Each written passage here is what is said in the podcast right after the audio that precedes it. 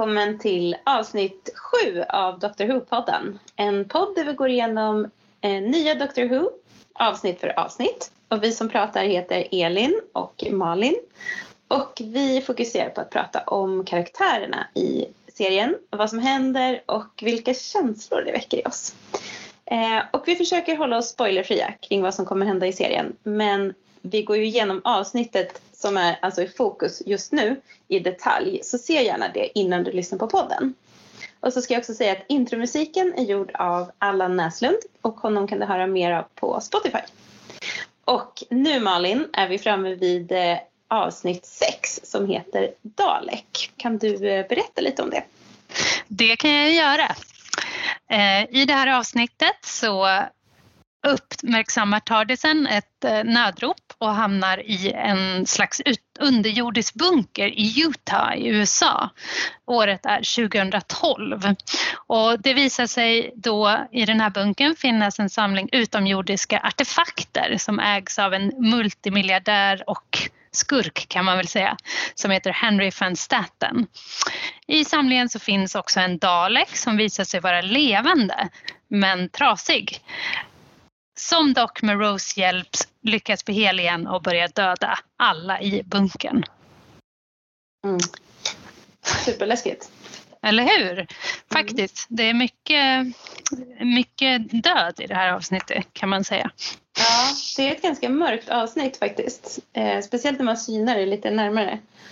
Ja, Ja, på många sätt. Inte bara att det dör folk utan man tar upp ganska eh, mörka, stora frågor också. Mm. Har vi någon eh, så här, författare och regissör till avsnittet? Ja. Avsnittet är skrivet av en person som heter Rob Shearman. Eh, och eh, regissör, ja, men, eh, som vanligt är ju producenten Russell T Davis. Just det. Och i den här, eh, man, jag kan också berätta att det här avsnittet fick en 12-årsgräns. Eh, vilket är ovanligt i doktorsammanhang. Eh, men det var just på grund av att det innehåller tortyr faktiskt. Som mm, BBC inte ville ta ansvar för att eh, de sa att vi, vi kan inte kontrollera vad som händer om barnen i sandlådorna eh, tar till sig av de här idéerna. har du sagt så? Det ja, det var något sånt där jag läste. Men, jag kanske inte ordagrant, men det var intressant. Det är ju hemskt såklart, men det är ändå det är ändå lite knepigt att, att liksom ha en annan åldersgräns mitt i en serie. Här, nej, nu ska vi titta på Doctor Who-familjen. Nej, nej, nej, men du lilla eh, Brian, du får inte sitta med oss ikväll för du är under 12. Eh, ja. Så du får inte se vad som händer med Dr. och Rose den här veckan. Men precis, men det är ju bara en eh, vad heter det, eh, vägledning såklart. Mm. Eh, och om man tittar med sina föräldrar så kanske det går bra. Just det, då kanske man eh. inte får för sig sen att tortera eh, katter och sånt efter att man har sett det här. Precis.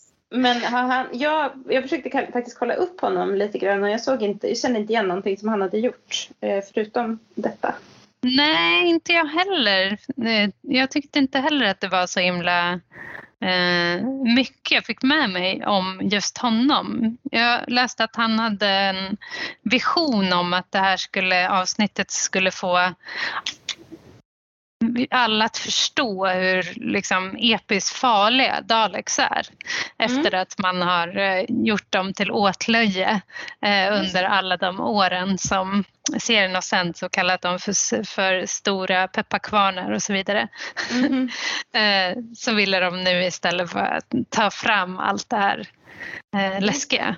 Så det ja. var visionen, i alla fall hans vision då med ja. Eh, eh, och det kan man ju säga att han lyckas med, eller vad tycker du?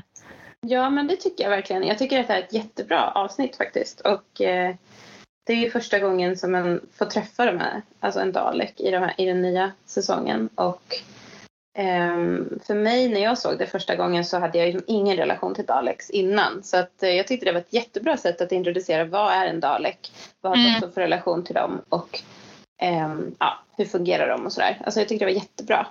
Mm. Jag håller ehm, med. Då hade inte jag någon relation till det innan så jag vet inte om man har en annan bild att så här, man tycker att ja, om man har sett gamla Doctor Who så kanske man inte känner så, det vet jag inte. Men oj, prasslar min... Ja, min, lite, det händer Jag hörde det nu. Mm. Det var nog jag som satt och viftade lite med armen. Um, men, jo, men jag hörde någonting i någon annan podd som, där de pratade om att han hade skrivit hans ambition, eller liksom han hade ändå skrivit den här serien, eller det här avsnittet med tanken att det skulle vara lite mer mm, att doktorn skulle vara eh, han skulle inte vara så mörk. Det skulle inte vara så mörkt och känslomässigt som det, som det blev. Mm. Utan att han skulle vara lite mer eh, eh, ja, men att det skulle vara lite mer lättsamt tror jag. Mm. Men att Christopher Eccleston liksom, tyckte att han liksom förde in de här lite mörkare känslorna i, i sitt skådespeleri. Eh, och det tycker jag blev väldigt bra. Eh, ja, jag har svårt att tänka mig hur det skulle ha blivit, hur, hur det skulle gjorts annars. Verkligen, jag håller med. Jag hade också läst eh, att Russell T Davis också ville att det här skulle vara mer känslomässigt snarare än ett avsnitt där folk springer omkring i korridorer. Mm. Så det kanske var både Christopher och Russell som, mm. som var med på det tåget så att säga. Så kan det eh, vara. Och eh, det här avsnittet blev också nominerad till, en, eh, till ett pris som heter Hugo i, som är någon slags tv-pris i Storbritannien. Mm. Eh, så det var ju lyckat. Mm. Ja, men jag har verkligen förstått att det har uppskattats av många. Mm. Men ja, jag tycker det är lite synd att det heter Dalek, alltså att avsnittet heter Dalek eftersom de gör ändå liksom en effort tycker jag i själva eh, avsnittet att hålla lite på spänningen. Så här, vem är det som eh, Ja, vi kan ju prata om det när vi kommer in i avsnittet. Men ja. det, är liksom, det är som en spoiler i sig att det heter Dalek. Jag förstår ja, inte verkligen. riktigt varför. De, det borde ha hetat någonting annat. Ja, och det jag faktiskt fick, det var den största kritiken också mm. till, mot det här avsnittet var just att det Eh, hette Dalek. Eh, Okej, okay, jag sällar mig till eh, kören då, av klagokören. Ja, ja, men du fångar upp exakt samma sak. Så då måste det vara sant. Sen har det faktiskt fått en del så här, det är ganska roligt, eller när jag läste att den har fått kritik för att de miss, vad heter det, det finns en scen som, liknar, som får eh, associationer till sadomasochism eh, där doktorn är uppspärrad mm, mm. Eh, och nästan avklädd. Uppspärrad, mm. uppspänd och avklädd och blir torterad. Jag vet inte vad det betyder. Uppspänd är bättre. Jag tyckte uppspärrad lät coolt när jag sa det men det är nog kanske inget riktigt ord.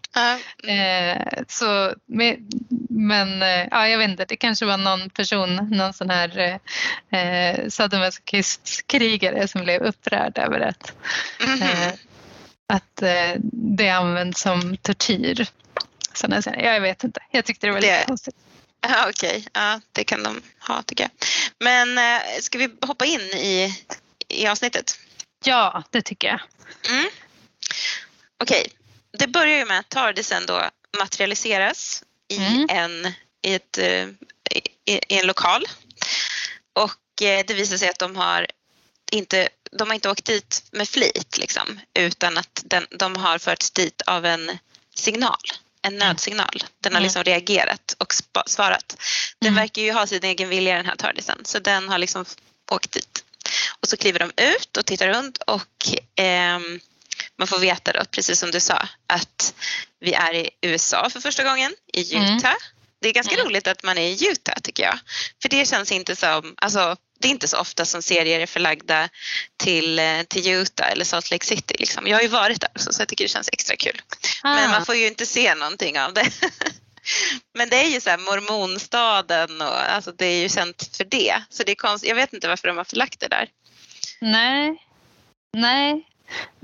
Alltså, jag tänkte för man skulle kunna tänkt sig att det finns ju vissa platser i USA som är mer liksom förknippade med sådana saker som eh, alltså inte underjordiska museum av utomjordiska artefakter utan mer så här eh, kanske ja, men NASA data, eller NASA eller onda datagenier eller eh, till och med liksom amerikansk så här, eh, ja, men den här det är ju en ganska tydlig stereotyp, liksom den här onda miljardären som bara vill ha ännu mer pengar. Så. Mm. Och den känns ju inte som mormonsk i alla fall. Nej, så, så man kanske snarare skulle ha tänkt sig att det var, jag vet inte, eh, Washington? Nej, jag vet inte. Nej, jag vet inte heller riktigt. Försöker komma på en plats i USA som jag förknippar med ondska. Jag bara, nej det måste vara Washington. nej. nej. Ja, men i alla fall så har de hamnat där och det är ju ganska bekvämt för dem att så här, nu åker vi till USA men eh, vi får inte se någonting, vi är under jorden hela tiden. Mm. Um, så att, ju, då kan de ju vara vad som helst. Ja, det här avsnittet är delvis inspelat på eh, Cardiffs eh, stadsmuseum. Ja. så. Kul. Ja. Då fick de låna lite montrar där kanske. Ja men precis, för det visar sig ju att de, det ser ut som de är på ett museum först. Men mm. det visar sig att de är inte på något mysigt öppet museum för allmänheten där det kommer komma en snäll museipedagog och ge dem en visning utan de är på någon slags, ja men så här, en personlig, någon, en, en rik person som samlar på saker som du sa. Mm. Mm. Eh, på mystiska utomjordiska saker. Ja, jag tyckte det var ganska, alltså redan här när vi då bara träffar Rose och doktorn när de går runt och tittar på det här så tycker jag redan att man känner att det här liksom, det kommer bli ett bra avsnitt för att det är kusligt. Eh, de ser alla de här olika delarna. Det är en, en eh, ja, några kända eh, saker, till exempel en slidinarm och Eh, vi som har sett mycket av Doctor Who känner igen några andra grejer som vi får se där också. Eh, och liksom doktorn ser chockad ut. Han ser både liksom förfärad och chockad och lite intresserad. Jag vet inte, jag mm. tyckte det satte en väldigt så bra stämning. Och Rose säger också, ja ah, men om de här samlar allt utomjordiskt så lär ju du vara den största trofén av alla. Mm. Precis. Också lite ödesmättat. Det, sätter en, det planterar lite för vad som kommer att komma hända liksom. Mm. senare i avsnittet. Mm. Um, och sen så får han se en, ett huvud som ja. man, om man har sett Dr. Who tidigare, känner igen. Men de säger inte vad det är. Han säger bara att det är en gammal vän. Det är ja, som ett robothuvud ser ut mm. som, eller lite grann som en det ser, den, den har ett lite emoji-ansikte liksom. Väldigt så här, eh, två, men så här uttryckslös liksom. En, ja. Platt, en, ett streck till mun och två runda ögon liksom. Jag tycker den är ganska lik eh, eh, 3PO i Star Wars. Mm. Just det. ja, men ja. Mm. Det är kanske lite så. För sen så ser vi också, alltså den som kommer sen, eller liksom Daleken som kommer sen har ju även i vissa fall, alltså man har ju skämtat om att den är lite lik eh, eh R2D2. Ja just det. Just det. Eh, så de har väl sina motsvarigheter, de kanske har inspirerats av varandra. Eller, ja. ja jag vet ju inte när de dök upp Dalexarna. Dalexarna dök upp på 60-talet. Mm. Så vem inspirerade vem egentligen? Exakt, exakt. um, ja, men det, det, här är ju, det här kan vi väl ändå säga utan att spoila för att det är ett klassiskt Doctor Who-monster, att det är en Cyberman. Och har man sett gamla Doctor Who så vet man ju det. Att det mm. finns, eh, det, det, är liksom ett gammalt, en gammal fiende till honom, precis som man ja. säger. Ja, men nu är den död och förstörd. Mm. Och alla ni som har lyssnat på vårt eh, introavsnitt vet ju också att Elin har en speciell relation till Cybermen och själv har blivit attackerad. attackerad av en Cyberman en gång. Ja, så du kanske fick rysningar här. Jag fick PTSD här. nej men den, ehm, det ska man väl inte skämta om, förlåt. Men eh, nej men han säger, han säger också att han börjar känna sig gammal. Mm. Um, och det tycker jag kändes, jag tyckte det var ganska roligt. Alltså att man, man kan ju känna igen det, att saker och ting som har varit intensiva och engagerande och kanske jobbiga tidigare i ens liv och så, möt, så kan, man, kan man ändå se tillbaka på med en viss nostalgi. Eh, även om mm. man inte kanske har haft en dödlig fiende i sitt tidigare liv så kan man kanske ändå relatera till den där känslan av att aha, nu är, nu, nu nu är den här gamla fienden bara en död sak på ett museum och vem är jag? Jag går omkring här som en gammal man i rymden. Eller jag vet inte, han kanske känner sig så. Ja, nu känns det som att du pratar om mina tonår. Eh, även om det inte heller där fanns då en yttre fiende utan fienden var jag själv. Mm. Men... Ja, men det är inte den som har skickat ut signalen får vi veta i alla fall. Ja. Eh, efter den här introt så flyttar vi ju, då får vi se vilka som eh, finns i det här um, underjordiska museet som mm. inte visar sig vara ett museum och vi får lära känna Mr Henry van Staten. Just det. Eh, ska, vi, ja, eh, ska vi kalla honom Van Staten eller Van Staten säger de ju i serien. Fast jag tycker vi, vi säger Van Staten kanske då. Ja, vi säger Van Staten då. Mm, för han är ju någon slags amerikan. Han är väldigt obaglig och ful. Eller ja. förlåt att jag säger att han är ful, men jag vet inte, han har sånt obehagligt utseende. Ja. Jag, jag kan säga inte. att han spelar som en person som heter Corey, Corey Johnson mm. och har spelat ganska mycket visserligen mindre roller men i rätt stora amerikanska filmer. Så till exempel Bourne-filmerna, han var med i Kick-Ass i någon X-Men-film och eh, även eh, har han eh, varit röst i en hel rad tv-spel. Så jag tror att han är en så ganska känd eh, skurk eller en sån som vanligtvis spelar skurk. Ja, ja men har ett verkligen skurkaktigt utseende, så obehagligt lite liksom, lite för jämna tänder, lite för runda kinder. Det är någonting mm. som känns fel med honom på något sätt. Ja. Men, eh, men det är ganska... Um, ja men okej, så då är, det, då är han ett kap för dem kanske, liksom, att de tog in honom till den här serien mm. att spela mm. den här mm. rollen. Precis. Det kanske var därför de förlade avsnittet i USA också. Eller liksom naturligtvis, vem ska, vara, vem ska spela en rik eh, person som, som äger internet och eh, torterar utomjordingar om inte en amerikan såklart. Absolut. Och där, hans, eh, den här Henry Fanstaten ska ju vara en karikatyr på Bill Gates tydligen.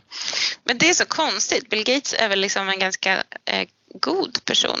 Eller jag vet inte så mycket om honom men han har väl ändå profilerat sig som att han så här, ger bort en massa saker till välgörenhet. Inte att han ja, verkligen. och är men, ond på det sättet. Nej, nej och det, jag håller med. Jag får inte heller sådana associationer av eh, Bill Gates att han skulle vara en så här superskurk men å andra sidan så äger han ju typ internet eh, och det säger ju ganska obehagligt att en person har så mycket pengar oavsett om man nu väljer att använda en liten, liten del av det till att eh, eh, eh finansiera medicinsk utrustning och så vidare eller vad han nu gör. Han är väl en filantrop helt enkelt och det kan man ju inte beskriva den här Henry von Staten som. Nej, precis. Men hur menar du att han äger internet? Det gör han ju inte. Det, det är ju ingen som gör det. Eller liksom, hur menar du att Bill Gates, du menar att han äger Men, ett stort företag som, som, har, som, som är väldigt, agerar på internet, som har mycket inflytande över internet? Okay. Exakt, mm. det är det jag menar. Det var därför jag sa äger typ. Ja. Det. Eh, det, ja. kanske är Mark Zuckerberg istället som vi borde tänka på när vi ser den här ja. vänstaten. Ja, men, men, det, var ju, eh, det här var ju innan Facebook hade slagit igenom så, så det visste de ingenting om då. Nej, om det här avsnittet skulle gjorts idag så skulle vi sett eh, en Mark Zuckerberg istället. Absolut. Ja, precis. Mm. Kanske. Men eh, det är ju intressant också att, att eh, det är förlagt i framtiden från när serien är gjord.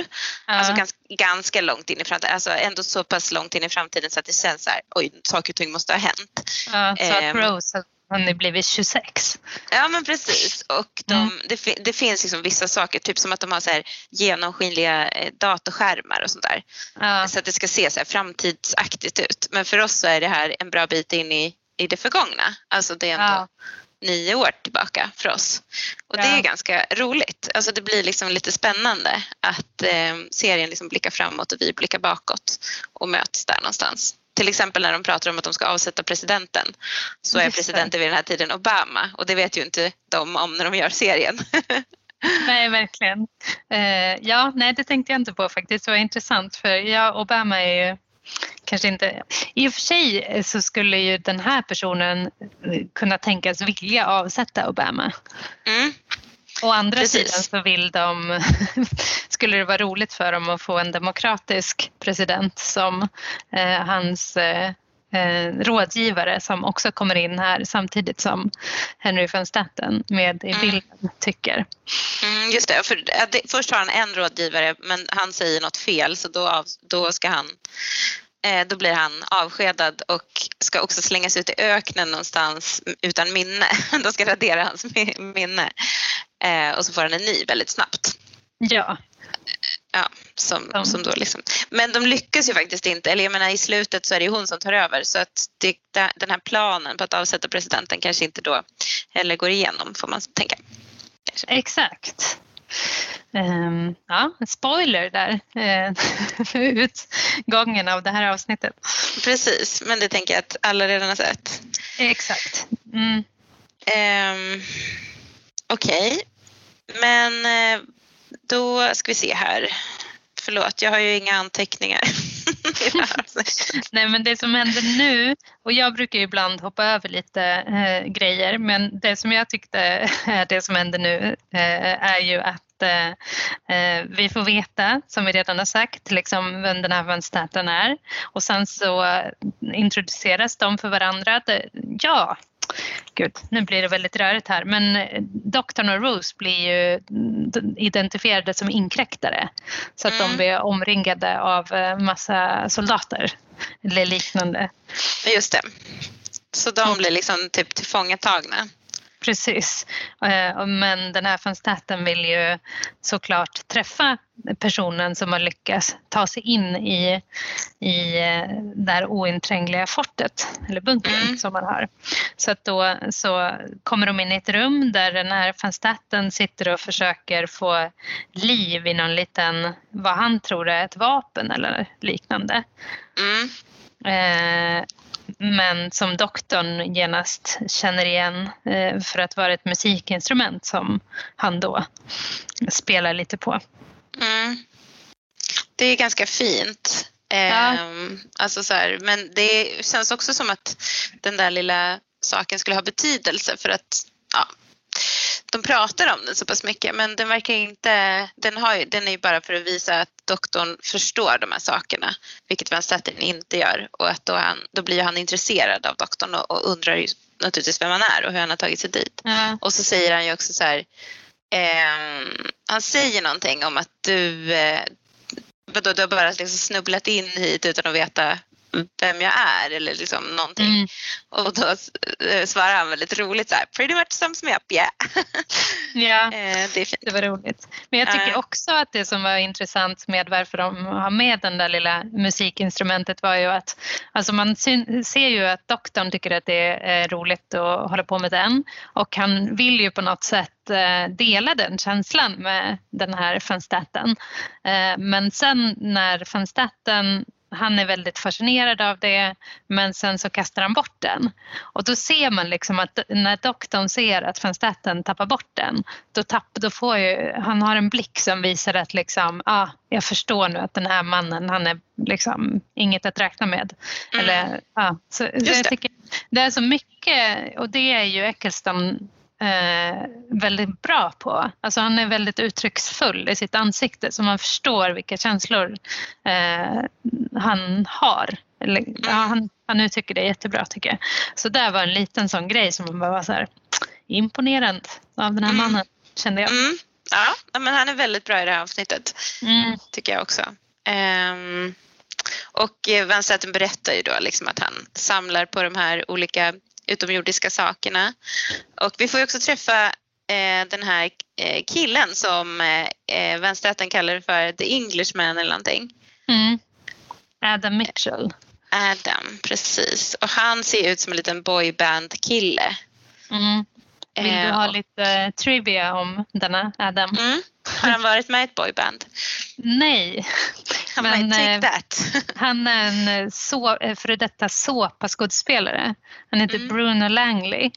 Eh, och eh, känd för att vara med i Coronation Street som är så här en av de största såporna i Storbritannien. Okay. Eh, men faktum är att han faktiskt dömdes för sexuella övergrepp 2017 och mhm. stängdes av från serien då. Så på hans Wikipedia-sida så står det liksom att han är verksam till och med 2017 och sen nu är hans karriär död. Mm -hmm. Helt enkelt. Okay. Fast han gör musik nu tydligen. Ah. Men jag vet inte ah, om man är så sugen på att lyssna på den musiken efter att man Nej. vet att han är en dum sexförbrytare. Nej men precis. Nej det blev ju en lite dålig bismak av den här killen som inte hade imponerat så mycket innan heller. Liksom. Nej, nej. Um, men det som händer här nu det är att det, det vi, vi har ju också fått se en liten glimt av en, en ganska obehaglig scen innan de samlas inne på kontoret och det är när de det är någon som blir torterad. Då. Mm. Och man ser det från, ja vi vet ju att det är Daleken så vi behöver inte låtsas, men man ser det ju från Dalekens perspektiv. Man ser det genom ja. hans lilla öga där. Ja. Eh, hans lilla, lilla kikhål och så är det en ganska obehaglig bild på eh, någon som är så helt svettig och håller på och borrar. Och så mm. hör man ju både borrljud och hans skrik. Mm.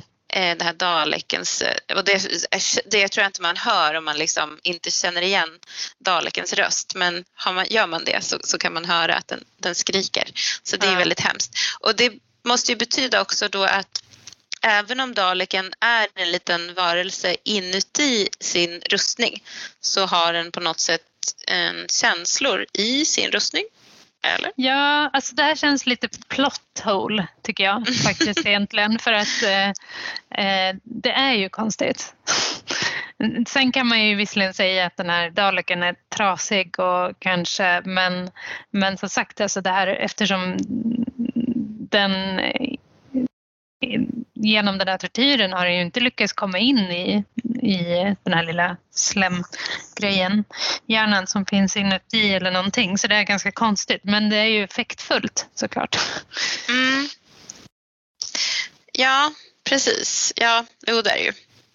Ja, men jag, jag, väljer att tro att den på något sätt har någon slags, att den är så pass, pass ihopkopplad med sin rustning så att den har känslo, på något sätt sensorer, den kan känna saker som är på mm. utsidan. Typ. Ja, det skulle ehm. kunna vara så, det är bara det att det inte passar ihop liksom med eh, ja, andra Nej, precis. Men var...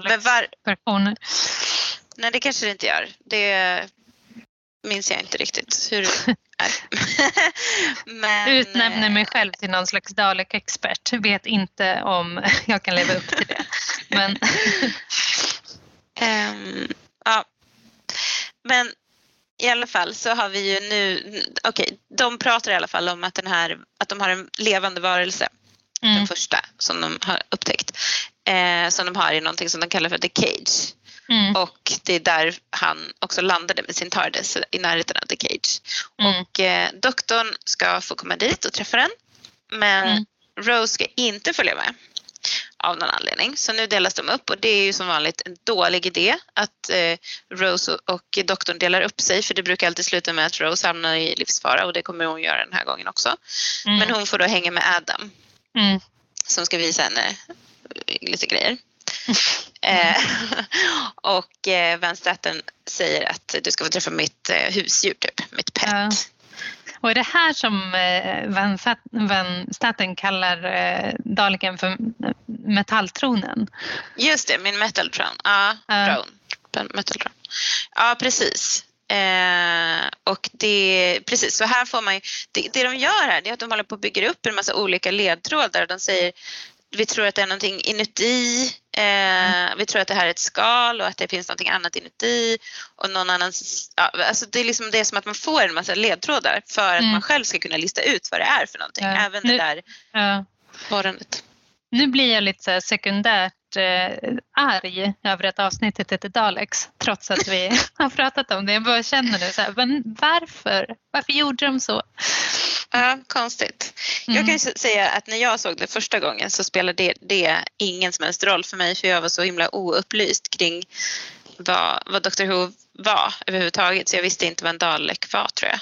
Nej, inte eller så hade jag inte en koll, eller så hade jag inte kollat vad avsnittet hette. För, för, för mig var det en överraskning. Ja, alltså jag tyckte det är ganska roligt det här. Eh, jag lyssnade på en podd när de pratade om, om eh, just vilken förhållande man har med Daleks innan man tittar på det här om man, inte, om man är en ganska ung person som just börjar kolla på Dr Who och så och, och därför inte sett klassiska Who. Eh, och då pratar de om det för en brittisk podd som att så här, alla har en relation till Daleks och så är det ju säkert i Storbritannien.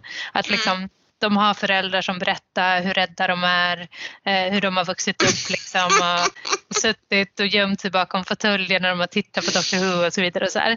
Men jag menar i Sverige så är det ju ingen som har relationer till eh, till Daleks om man inte är extremt liksom, insatt i nördkultur. Ja, ja men precis. Ja, men jag tänker ändå att så här, lite allmänna nördar känner ju igen en Dalek tror jag. Ja, men ja, tror du att... Men inte vanliga människor. Liksom. Nej, dina föräldrar Nördar men inte människor. Daleks. nej, de var inte vana för Daleks. Nej, verkligen inte. Nej. Ja, men de kommer ju ner här till den här läskiga, eh, de har ju någon svinäcklig doktor eller, eller läkare, jag vet inte, han är ingen läkare eller doktor kanske. Han är i alla fall någon slags obehaglig typ som håller en på att tortera. Han är deras, ja. torterare, deras bödel typ. Ja. Som är så lite, han har sån äcklig blick också på något sätt. Verkligen. Och, och när doktorn ska gå in där så säger han att van, blir han ju varnad för att han inte ska röra vid daleken för att den förra som gjorde det blev liksom flammade upp, blev, eh, började brinna eller någonting. Ja.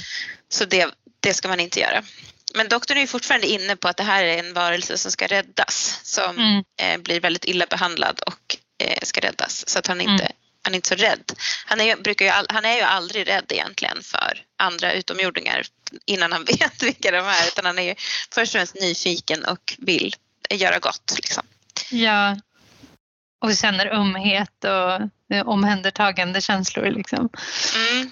Och mm. väldigt, väldigt underligt så har de ju släckt lamporna där inne så att han kommer in i ett mörkt rum så att han inte ska se vad det är han har framför sig. Men de ska ändå ja. övervaka honom. Men de, ja, det är jättekonstigt.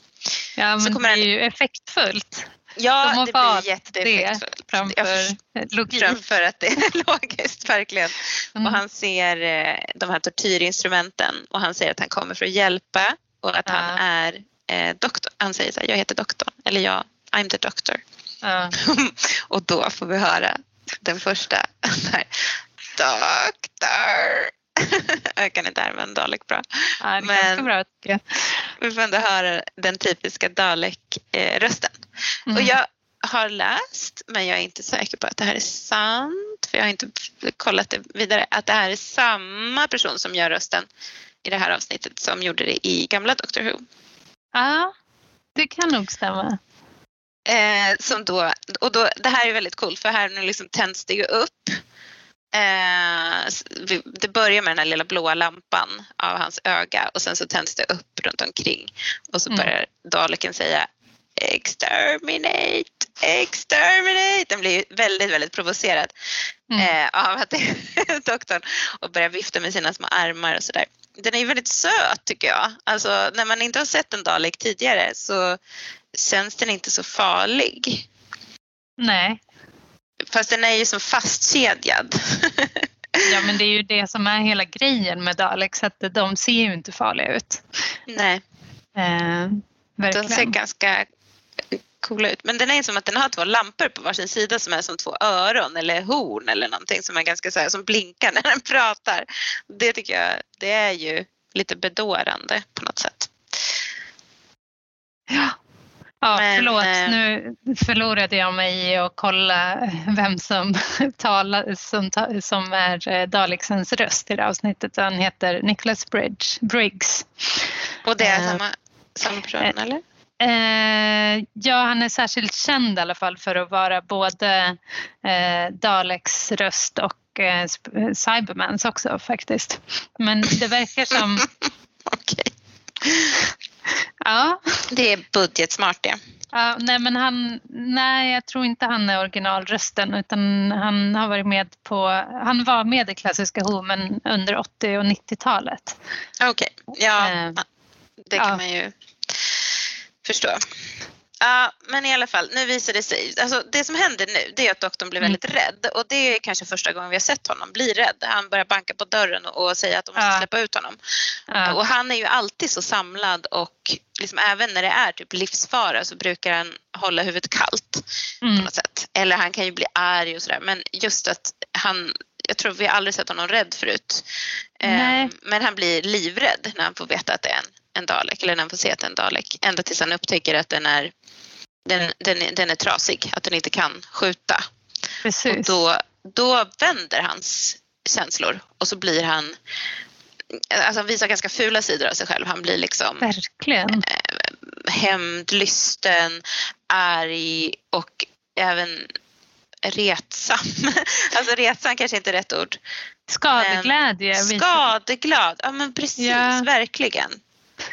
Ja, men jag också eh, tänkte på liksom, de, det bara det typ 30 sekunder. Under 30 sekunder så hinner han visa liksom så många känslor. Och som du säger, det är allt så här, rädsla, skadeglädje, ilska, hä- hämndlystenhet, allt liksom. Mm, Det, ja, det är mycket känslor. Precis, han liksom springer fram till, till den och liksom stirrar den rakt in i ögat och säger vad ska du göra? Vad, vad, vad ska du göra med mig nu liksom? Ehm, och så säger han också så här, what's the point of you? Mm. Eh, vad har du, för att nu har den liksom inte längre någon uppgift. Mm. För att den, dens enda uppgift är att döda alla som inte... För Dalexarna är ju då att de, de ska döda alla som... De är soldater och de är gjorda för att döda alla som inte är Daleks. Mm. De håller på med etnisk rensning liksom, så det är väldigt Mm. eh, otäckt. Mm. Ehm, men nu har den ingen som den kan ta emot order ifrån, så vad ska den då göra för någonting? Mm. Och den Och den- säger också så här, jag kräver order, så den, Mm. den, behö- den vill ju verkligen ha det. Mm. Och han berättar att, han har ju, att det är han som har först, alltså, tagit bort alla. Han har, ehm, han har dödat alla Daleks och i och med Mm. det så dödades också alla Time Lords. Så vi får liksom Ja. lite mer information om det här, time, eh, det här time war, eh, det tidskriget eller vad man ska kalla det, Ja. som har nämnts tidigare. Och jag tycker att det är ganska så här, det är rätt, eller jag tycker att den här dialogen som de har nu, eh, den är, den är berörande. Eller den är, dels så känner man mycket och dels så, alltså det, det byggs in så himla mycket saker. Eh, och just det här att Daleken som ju är en ras som, som du sa håller på med etnisk rensning och är allmänt väldigt, väldigt onda ändå. Den speglar ju, när den får höra, för den får ju berättat det här för sig, vad som hände i tidskriget, eh, eller det sista stora kriget då, och eh, att resten av Dalexarna är döda. Så han är ju verkligen en så spegel av vad doktorn har gått igenom, eller går igenom. Eh, och det är någonting, alltså jag tror det är kanske det som eh, fång, alltså som gör att det här avsnittet blir så himla bra och berörande är att de lyckas få det dubbla i att Daleken liksom verkligen speglar vad doktorn känner men också att eh, doktorn har alla de här onda, mörka sidorna i sig precis som Dalexarna. Mm. Så det, Mm.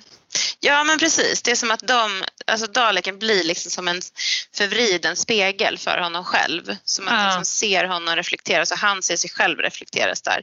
Och Ja. också det här som händer med Daleken, att den också får känslor. Den kommer ju få det sen, men man ser ju även här innan hur den säger jag är helt ensam i universum och så, så sjunker dens lilla liksom kikhålsöga där. Alltså den, Ja. Man tycker verkligen synd om den på Ja. något sätt. Ehm, även om den är en mördarmaskin. Och så blir det ju också någonting med den här rösten som den har.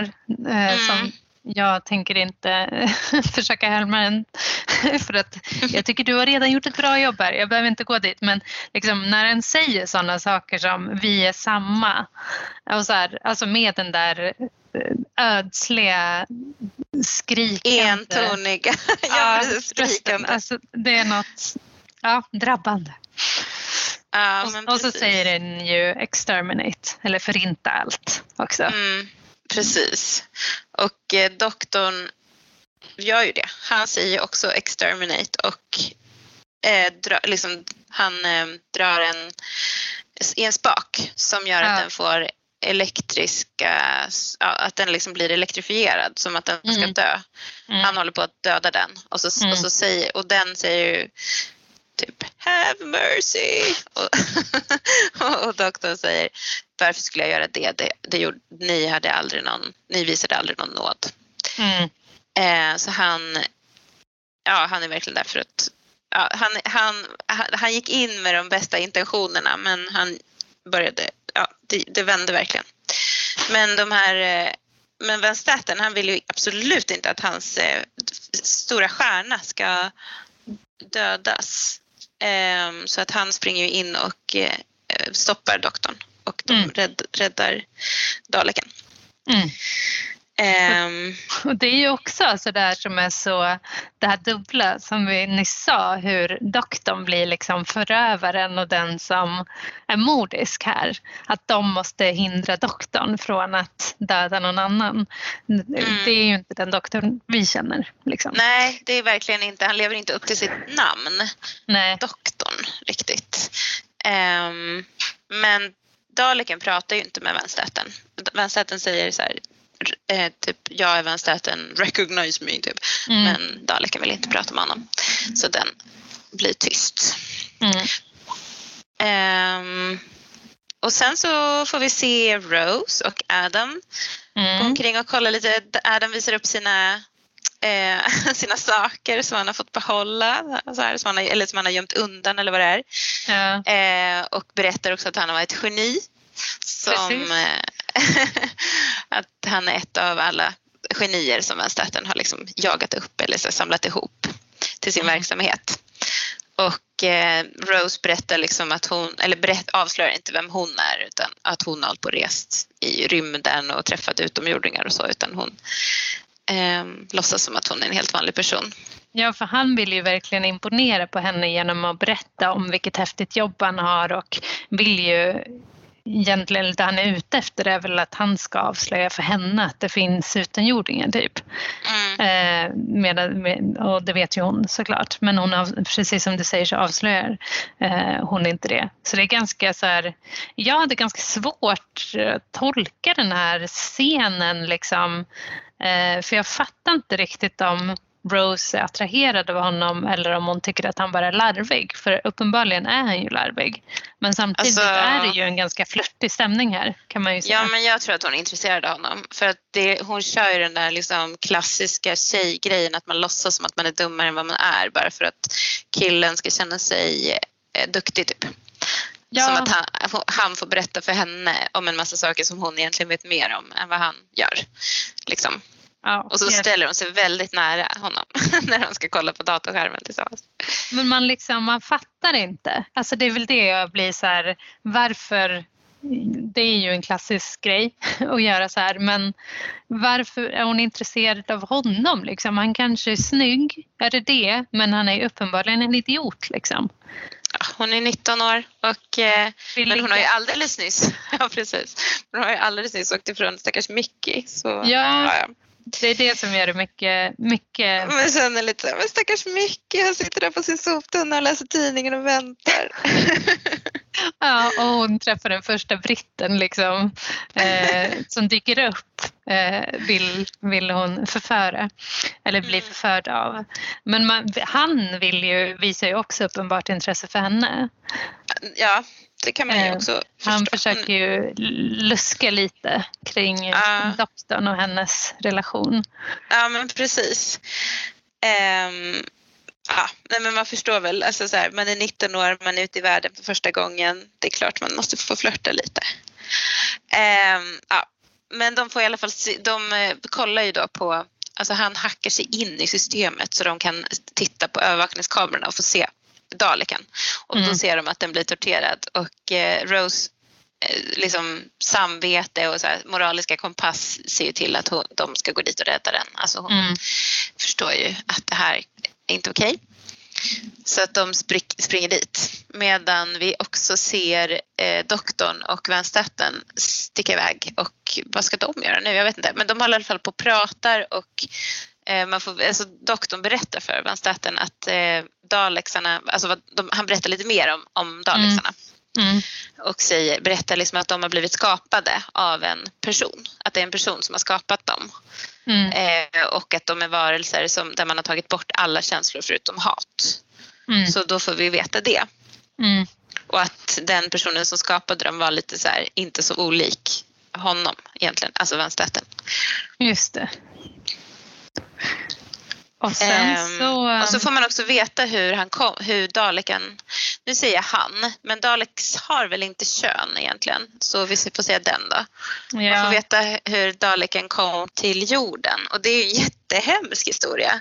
Det är som att den, den ramlade alltså ner på jorden och låg och brann i en krater i tre dagar. Och man får också veta att den skrek under hela den tiden. Ja. Och hon säger att eh, den måste ha blivit galen då. Ja. Hon den här assistenten. Ja, nej det är ju inte ett öde man önskar någon. Nej, kanske ja. inte ens sin värsta fiende. Även om doktorn nog inte har någonting alls emot att en Dalek får plågas på det här sättet som Nej, vi förstår av det här inte. avsnittet.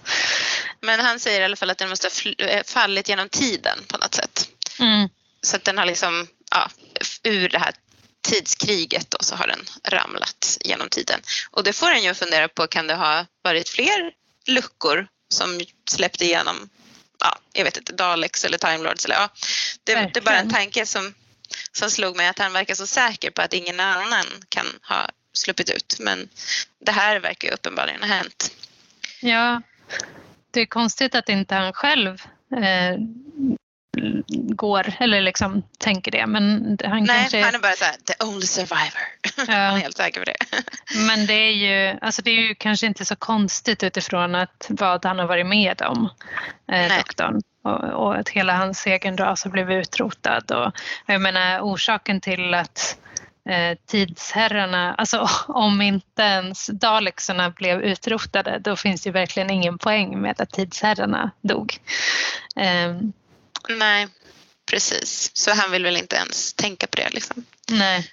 Men då visar det sig att eh, Van Staten har ju kommit på att han är att eh, doktorn är den sista utomjordingen av sin egen ras mm. också. Och han blir tillfångatagen och eh, upphängd. Ja, eller uppspärrad som du sa. Upp, eh, ja, han blir i alla fall eh, fastsatt i bojor liksom mm. som en Jesusfigur. Och eh, de röntgar honom men de verkar röntga honom med något helt fruktansvärt instrument som också plågar honom och torterar honom jättemycket. Vilket är jätteonödigt när det ändå ja. finns röntgenmaskiner som inte skadar. Men eh, ja, det är väl som en extra bonus för den här onda vänstaten kanske. Precis. Och då får, de veta, får man veta att eh, doktorn har två hjärtan. Mm. Har inte, vi har inte vetat det nu kanske? Jag tror inte det. Jag vet inte. Nej, jag Nej, inte ihåg det är svårt det. att veta vad, veta, alltså komma ihåg allt man har fått veta tidigare, men jag tror inte det. Nej. Så det är ju intressant. Man får också veta att Van Staten har en massa olika grejer på gång. Till exempel så har de kommit på botemedlet för eh, förkylningar, mot förkylningar. Mm. Mm. Men det ska de naturligtvis inte släppa ut för att det, de tjänar mycket mer på att folk köper Ja, jag vet inte. Varför tjänar de... Jag tycker inte det här känns riktigt logiskt. Varför skulle de tjäna mer på att folk blir förkylda och köper eh, liksom olika botemedel som inte riktigt funkar än att det försvinner? Det är väl för att man annars inte alltså då kan man ju sälja allt, alla de här små medicinerna som folk köper. Om det blir utrotat så finns det ju ingen marknad för förkylningsremedies längre. Men borde inte Vanstaten ha jätte, jättemånga anställda som blir sjuka och kostar dem en massa pengar. Det borde, han borde ju tjäna mer på, alltså samhället i stort borde tjäna mer på att folk inte blir sjuka. Men de har väl säkert ingen sjukförsäkring utan köper också de här nässprayerna och eh, näsdukarna och eh, en kinagard och Du menar att han äger allt det? Han äger Absolut. hela läkemedelsindustrin. Men han jag, äger, jag tror att han äger men, allt. Men, men de får ingen sjukpenning. Eh, Absolut inte. Det är inte riktigt i hans eh, eh, karaktär att han skulle ha bra anställningspolicy och kollektivavtal. Känns som. Men, men jag håller ju med dig såklart om att det här det, det är ju snarare liksom att man ska förstå hur ond han är. Mm. Liksom. Men, men eh, jag tror att det pågår sådana diskussioner eh, liksom angående, det finns ju många sjukdomar som, eh, som man, eller konspirationsteori, det här är ju sånt som konspirationsteorier görs kring. Liksom. Mm. Eh, kring mycket till exempel HIV-mediciner och sådär. Nu finns det ju jätte, jättebra bromsmediciner men det finns ju ingen botemedel mot HIV ännu. Mm. Eh, så jag tror att det här pågår. Ja, jag bara tänker, men det kanske är ett väldigt svenskt perspektiv att man tänker att om folk inte skulle bli sjuka så skulle, det, skulle staten tjäna mycket mer på det för då skulle de ja. eh, kunna jobba och inte behöva vabba och inte vara hemma. Ja, så, ja det är vårt de... socialdemokratiska arv som, som talar. Ja. ja, men precis. Mm. Men eh, doktorn får, förstår ju i alla fall att nu att, det, att eh, den här fanstaten inte bara samlar in saker utan också exploaterar eh, det. Mm. Gör vinning på. Så här ser vi ju liksom ett tema som egentligen har upprepats i varenda avsnitt vi har sett hittills. Den här mm. kritiken mot eh, ja, men de här som, som kapitalister som ja. håller på och vill bara skapa egen vinning som offrar andra för att eh, tjäna pengar. Det har vi ju sett liksom både i stort och smått i den här eh, begravningsentreprenören som inte ville berätta att han hade spöken, att han hade mm. problem med, med zombies typ. Eh, mm. Till de här Sledin som ska offra hela jorden för att de ska sälja ja. i förra avsnittet. Och, och så här också.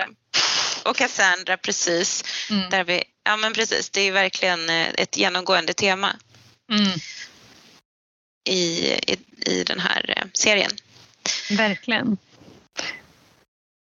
Mm. Eh, men doktorn vill ju i alla fall att han ska få stoppa Daleken. Eh, han ber verkligen om det. Och det är också en sån scen som man, han är fast, fastspärrad, får jag säga det? Inte bara uppspärrad. Just det, jag har lite svårt med det här ordet alltså. Fastspärrad. ja, men det var bara när du sa uppspärrad så tänker jag att då, jag bara ser att han har liksom blivit uppfläkt på något obehagligt sätt. Liksom. Ja, just men det, det kanske inte är fel. Uppspärrade ögon ja. ja. Man säger inte uppspärrad kropp på ett Eller nej, alltså det är ju bara hemska associationer för mig. Ja, jag förstår. Mm. Nej, men han är uppspänd och eh, fastspärrad. Eh, men eh, vill verkligen ta sig därifrån för att kunna stoppa den här daleken. Mm. Och igen tycker jag att han, han visar liksom desperation. Mm. Verkligen. Mm. Samtidigt som vi då ser Rose och Adam gå in till daleken och mm.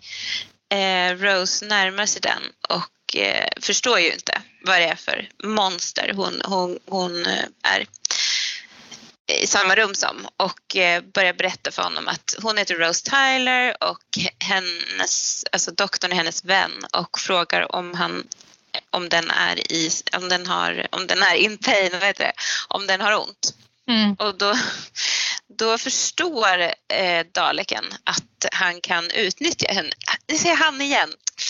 Eh, nu förstår Daleken att den kan utnyttja hennes eh, liksom medkänsla och säger mm. att Alltså jag gillar också, jag, alltså jag känner så här, Daleken är typ också en jättebra skådespelare.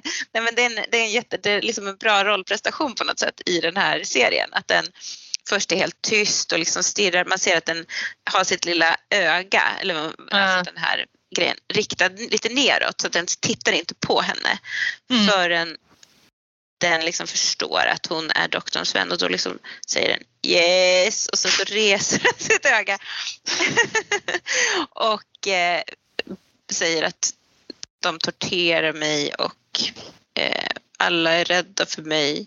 Är du rädd för mig? Och så säger hon att hon inte är det, för hon mm. vet ju inte bättre och försöker vara snäll mot den. Och eh, den, eh, den, säger så här, ja, att den ska dö men mm. den är ändå glad över att den har fått träffa en människa som inte var rädd för den. Så den skådespelar ju här liksom. Ja, ja men det, ja precis, den, den är inte en den manipulerar henne.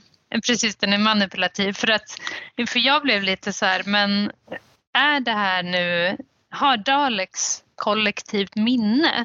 Eller liksom pratade, eller är varje Dalek en individ i sig självt? För, en, um, för jag tänkte jag bara, Daleks har ju träffat massor med människor uh, under uh, sin liksom, livstid och det är väl klart att de har varit rädda för den, för Daleks. Mm. Eller alla är väl, eller ingen är väl rädd för Daleks innan de förstår um, hur farlig den är liksom. Nej. Eh, så, men det, det, är väl kanske som du säger att det, den vill bara manipulera helt enkelt. Ja, precis. Den manipulerar henne så att hon mm. ska lägga sin hand på dess utrustning, eller utrustning, så att hon ska lägga dess, sin hand på dess eh, rustning. Ska säga. Exteriör. Exteriör på dess pepparkvarn. Och det blir liksom som ett så här handavtryck och genast så, så förstår man det där var ett misstag för den säger DNA eh, utvinns och eh, den liksom börjar så leva upp och bli stark och brist, de här, den liksom får kedjorna att brista.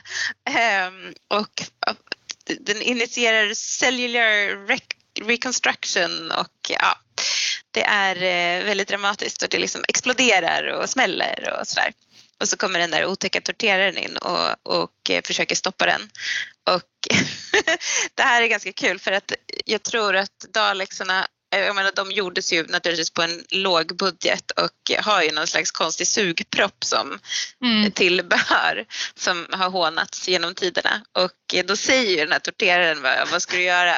Eh, ska du, men, vad säger han? Ska du suga mig till döds? Ja, det låter han. inte så bra på svenska. Nej. Men okej, okay, eh, det säger han. Och, och Daligen bara, eh, ja det ska jag. Och så bara så här, sätter han den där sugproppen mot ansiktet och bara suger ut så man ser hur ansiktet blir eh, alldeles utsuget. Skitäckligt. Ja, det ser äckligt ut och helt plötsligt så tycker man ju inte att den där sugproppen är så trevlig. Eller. Nej, eller precis. Den är verkligen inte så rolig längre. Den är ganska mm. otäck. Mm. Och, men här tycker jag att det är också en väldigt cool scen för nu eh, förstår ju alla så att oh my god, det är kris och så är det som en närbild på doktorn när han liksom står där fastkedjad och han säger så här release me uh, if you want to live eller någonting sådär. Mm. Eller vad säger han? Jag vill, jag vill säga rätt. Um, ja men någonting Re, Jo han säger så, release ja, me if you want ja. to live. Det är väldigt snyggt och dramatiskt. Han har så här, ja men det är bra ljus, han har så här han ser, han ser cool ut, han ser nästan lite snygg ut. Ja, ja. Like ja men verkligen, man känner det. Att här världen ligger i hans händer. Men eh, Daleken är ju inlåst i den här The Cage och eh, kan absolut inte ta sig ut säger de för att den, det är ju något slags kodlås till den. Med ehm. miljoner olika kombinationer eller potentiella kombinationer. Mm. Fortsätt. Eh, men det visade sig ju att det är ju inget problem för en Dalek och det är här också doktorn liksom eh, guidar oss i till hur en Dalek funkar. Han berättar ju liksom när en Dalek ta, kan ta sig förbi låsta dörrar mm. eh, och det visade ju sig att den kan göra på sekunder. Eh, och sen så blir det ju liksom en stor eh, uppvisning av hur mäktig Daleks är. Mm. Eller hur mäktiga Daleks är. Ja men precis, den bara liksom åker ut. De, alla skjuter på den. Den blir inte ens skadad. Mm. Um, den åker fram till den här tv-skärmen där doktorn och eh, de står och, och, och tittar och um, eh, bara så förstör den eller som krossar den. Men samtidigt så, så verkar den också liksom ta en massa energi från ja, datorn som är där då. Ja, och tummar liksom, hela basen på el. ja precis och sen så ser man också hur den, den har ju som eh, runda knoppar på sig på sin ja. eh, utrustning, på sin, vad ska jag utrustning hela tiden, på sitt skal. Ja. Eh, och det, man ser hur de liksom blir fina och jämna igen och liksom hur den blir så här fin Ja, den och återställd. Ja. Ja men precis, den, den blir återställd och den laddar och samtidigt då ner hela internet. ja. Så nu kan Daleken allt. Nu kan Daleken allt. Nu har den liksom laddat ner. Men som tur var var det här innan sociala mediers tid så att den behövde inte ladda ner alla liksom, hela Twitter och all den skiten liksom. Nej, då hade den ju... Ja, vi får återkomma till det. Vad man själv skulle göra om man hade lyckats ladda ner hela internet i, sitt, i sin hjärna. I och för sig, det här är ju 2012 som det utspelar sig så då finns ju visst alla sociala medier. Ja, men precis. Åh Det- nej. Ja, Den kommer bli en, en eh, jättehemsk, alltså den kommer bli så här näthatande rasist på en gång. precis. Den, Fast det eh, blir den inte. den ra- ramlar över 4chan och sen, sen är det, Sen sen är det klippt.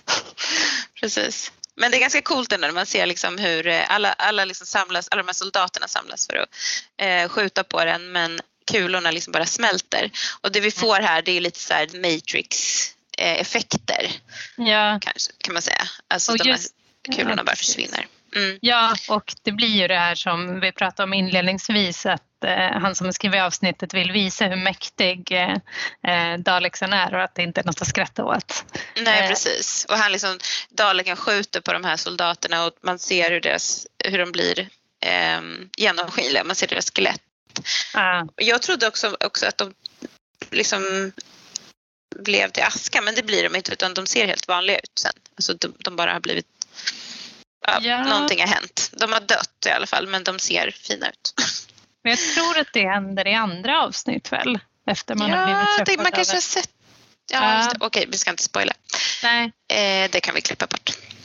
Skit i det.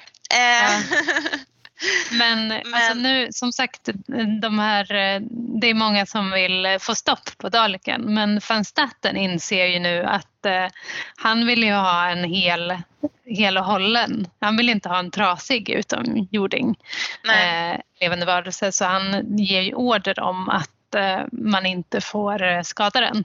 Eller inte, ja, den ska fångas hela hållen helt enkelt. mm. Men inser sen att den har ju dödat alla. Precis. Äh, Ja, det är ganska så dramatiskt när han säger att så här, ni får inte skada den. Eh, och de, han får inget svar för att alla är döda och den Mm. är helt oskadd. Mm. Så att man förstår att han har, han har inte sina prioriteter rätt på rätt ställe liksom. Mm. Om man säger så. Men det är, sen är det ganska roligt också för nu de springer, Rose och Adam springer från den här daleken Mm. och eh, kommer till några trappor. Och de bara yes, trappor! Den har inga ben, den kan inte förfölja oss. Och så är det som att de inte, de är inte så här, hmm, undrar om den här teorin stämmer. Utan de är bara så här, självklart kan det inte stämma. så de liksom stannar där mitt i trappan. De Ja. springer typ upp en halv trappa och sen stannar de bara glor på daleken som kommer dit. Som hur lätt som helst bara kan skjuta dem från det avståndet. Ja, det är så konstigt och det är inte för, liksom enda gången det händer i det här avsnittet heller. Nej. Alltså det är som att de bara, vi springer mycket. lite men sen vill vi också se vad som händer. Ja, ja verkligen. Det är så irriterande. Men Ja. jag, jag hörde att, de, att det här liksom är en grej, alltså att Daleks, alltså att det här fin- missförståndet kring Daleks, att de inte kan ta sig upp för trappor, eller så föreställningen om att Daleks Mm. inte kan ta sig upp för trappor finns för att det var så när de introducerades på 60-talet. Att Mhm. då kunde de till och med stoppas av en råtta eller något sånt där. Alltså, de, bara, de var typ så här hjul, de är jättekänsliga, de är som typ en robotdammsugare som bara kan du ta mig över den här tröskeln? Typ. Eh, men sen så någon gång på 80-talet så introducerades att de kunde sväva. Mm. Så att, så att det här är liksom inte första gången en, en, eh, en Dalek gör det. Men jag älskar också hur Daleken är så jävla cool här. Att de, Ja. står, de står typ i trappan. Det är eh, Rose och eh, Adam och den här soldaten som har fått i uppgift att, att skydda dem. Mm. Eh, och, och liksom, ja men ja, de är jättedumma och typ håller på att retas typ med den bara nu, så här, vad kan du göra nu då liksom? besegrade av lite trappor va. Och Daleken liksom bara så stirrar på dem helt tyst. Um, och så säger den här uh, soldaten att ja, men du kan, du, vi vill att du ska gå tillbaka till, du, vill, du ska ge upp, du ska gå tillbaka till den här till, uh, till buren och vi kan kanske förhandla sen med uh, Och den bara svarar inte, den bara stirrar rakt ut ända tills den säger Elevate. och så bara börjar den sväva. Ja, jag tyckte också det var väldigt roligt. Bra Dalek-röst här måste jag säga. Ja, Elevate. Ja, mycket bra. Men alltså, jag måste... Den är så cool eh, och den liksom bara så väntar in rätt tillfälle. Den bara okej, okay, jag ska låta dem prata lite. Jag ska låta dem tro ja, att de har vunnit och sen bara kolla här då.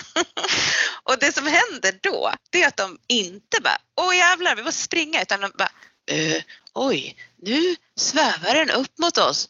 Vi står här och stirrar lite till. och sen eh, säger typ den här eh, eh, soldaten att jag ska uppehålla den och de bara nej gör inte det och den bara jo eller hon bara jo det ska jag göra och så varför ska hon göra det? De vet ju att, hon liksom, att det där inte kommer funka. Eh, det, alltså, jag blir så irriterad på hela den här scenen. Att hon ja, ska rädda eller så här, offra sitt liv fast hon liksom det, finns, det, det är som helt meningslöst. Samtidigt så, alltså jag håller absolut med dig. Man vill ju bara att de ska fly för sitt liv liksom. Sen mm. så skulle det kanske inte hjälpt i alla fall men hon kunde väl i alla fall försökt. Men jag måste ju säga att jag tycker att hon, den här soldaten är väldigt cool. Eh, och jag tänkte också på att det hade ju eh, eller jag gillar ju med Dr Who att de gör så här. De slänger in den här kvinnliga supercoola, modiga soldaten mm. Mm. Eh, som offrar sitt liv och eh, eh för att eh, i och för sig skydda fönstäten. Och, men eh, det är någon form av legosoldat. Men eh, mm. jag vet inte, jag tyckte hon var, hon var bra. Ja, hon är väl kanske den bästa av de soldaterna man får se. Men ja. ändå, det kändes lite ja, meningslöst. Ja, att de sagt, stod där med sin lilla pistol och sköt. sköt. Alltså vad ja. tror de ska hända ens? Ja, verkligen. Och, Väldigt konstigt. Ja. Vill de inte leva? Det är ju den, den frågan vi alla ställer oss. Ja. Mm. Um, ja, men doktorn och vänsterrätten har ju någon slags, eh, de håller på att bråka med varandra och eh, doktorn säger att alla kommer dö om den här får slippa ut. Eh, alla i hela Salt Lake City. Mm. Ehm, en miljon människor, de är döda nu för att, om den här kommer ut. Mm. Ehm, men doktorn tror ändå på att om alla, blir, alla får ett vapen på hela förläggningen, eh, till och med ja, men precis alla, så, kom, så den är liksom, då kommer de kunna kanske stoppa Daleken. Mm. Eh, men de, och så säger han också att de ska sikta på ögat för det är dess eh, svaga punkt. Men mm. eh, här har vi ju ändå en väldigt störig eh, kommand, jag vet inte vad han är för någonting, vad är han för någonting? En ledare ja. för soldaterna i alla fall. Ja. Men han, han, han, han är så här, ja jag tror jag vet hur man kan stoppa en enda mm. liten plåtburk typ. Toxisk maskulinitet. Verkligen. Mm. Mm. Eh, så alla står där, man ser en del soldater, man ser typ en um, någon slags forskare i vit rock som står där också och ska skjuta. Kan du känner du dig sedd? Känner du, är det du? Absolut, som forskare känner jag mig väl representerad. det, det har visserligen sällan hänt att eh, vi har blivit invaderade på mitt eh, institut. Av Men om Dalek. det skulle hända, då skulle du ta din vita rock och du skulle ta en, ett vapen och du skulle ja. ställa dig och försvara. Jag kan se det. Vi har ju våra eh, simulatorer och eh, så vidare på mitt jobb. Där, jag, eh, där ni torterar där... utomjordingar och sånt. Precis. Tränar oss på att köra i trafiken och torterar utomjordingar. Ehm, så, så hög igenkänning här. Mm. Ja men det är bra. Men tyvärr så är ju inte det speciellt roligt för oss som kan identifiera oss som forskare då, för vi blir ju helt enkelt slaktade. Ja, ja precis.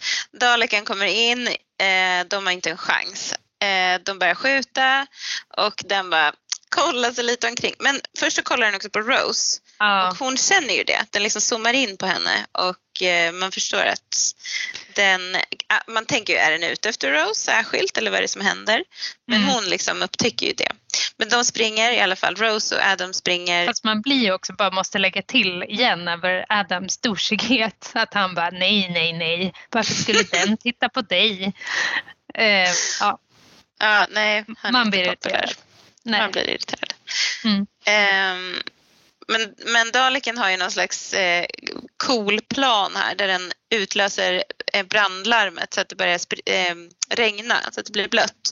Och mm. sen så, så skickar han ut någon el så att alla blir elektrifierade igen. Ja, det verkar vara en grej de gillar i Doctor Who. Det var ju med även i förra avsnitten att eh, folk blev så här. Uh. Det ser ju så coolt ut. Ja, de kanske har den specialeffekten i datorn eller något. Ja, men precis. men det är också att den svävar upp när den gör det, så det ser ja. väldigt häftigt ut. Ja, men alla... den här scenen är ju ganska, om man gillar sådana här eh, krigsscener där många dör samtidigt, eh, mycket känslor, eh, då gillar man ju den här. Mm. Det. det. är ju inte riktigt min, stridsscener brukar inte riktigt vara min favoritgrej men det är klart att man dras med av stämningen. Ja, det är väldigt så här, tragiskt liksom, här, när man ser hur, hur det bara liksom regnar typ från taket och mm. alla döda kroppar ligger där i regnet. Och, och så ser man också doktorn och vänsterhatten och assistenten där står tillsammans mm. och känner alltså förstå hur, att det är kört. Ja, och vänsterhatten säger till och med att ja, vi kanske ska börja tänka på att överge det här stället. Mm. Precis, men han säger de säger någonting om en helipad. Är det någonting som finns på riktigt eller det ska det föreställa någon slags framtidshelikopter? Alltså jag har ingen koll på det. Jag tänkte också på, för på ett sätt så kan man ju tänka sig att, eh, att själva plattan där den landar på eh, heter, kallas helipad. Det här kanske mm. alla vet om utan vi. Jag vet inte. Men det här är någon konstigt science fiction-grej och så är det så här någonting helt normalt. ja, landningsbana för en helikopter. Jag vet inte faktiskt. Nej, men men vi har ju de... sett dem där. De, det är ju de som eh, företaget som levererar helikoptrarna heter ju Bad Wolf fick vi se inledningsvis. Just det. Ja, men nu så börjar ju i alla fall, eh, jag tror eh, Daleken kontaktar doktorn och vill Exakt. prata med doktorn. Mm. Och eh, säger att den har tagit Rose DNA och därför så, ja, så kan den leva. Typ. Ja, Eller... och det är ju inte bara för att det är Rose utan det är också för att Rose har varit ute och rest i tid och rum. Just det, det är därför den kan göra det. Eller är det därför den kan reparera sig själv med hjälp av Aha, Rose. Just det. Så Rose har liksom fått lite av Tardisens ja, kraft Magi. eller ja. ja, det den har. Ja, ja men okej, jag fattar. Mm. Um, och sen så har den ju också liksom skannat alla satelliter och uh, ja, så den har liksom kollat igenom hela internet och hela all, mm. all information som mänskligheten har samlat in och förstår att den är ensam i universum. Får jag lägga in en liten rolig eh, side-note här? Mm. att eh, jag läste en tråd på Reddit angående det här med att Dalexarna har laddat ner hela internet som vi fick veta.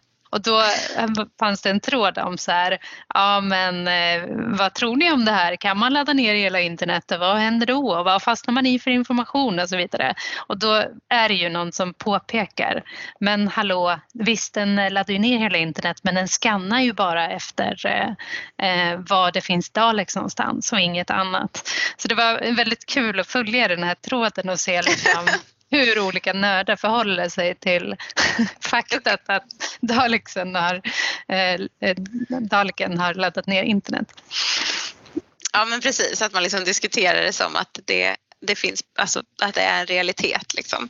Ja, och hur man skulle gå tillväga om man själv laddar ner som Dalek internet, om man eh, tar sig an all information eller om man liksom eh, bara fokuserar på det som är relevant för en själv och i det här fallet då eh, Daleken som letar efter annat mm. Dalek-liv.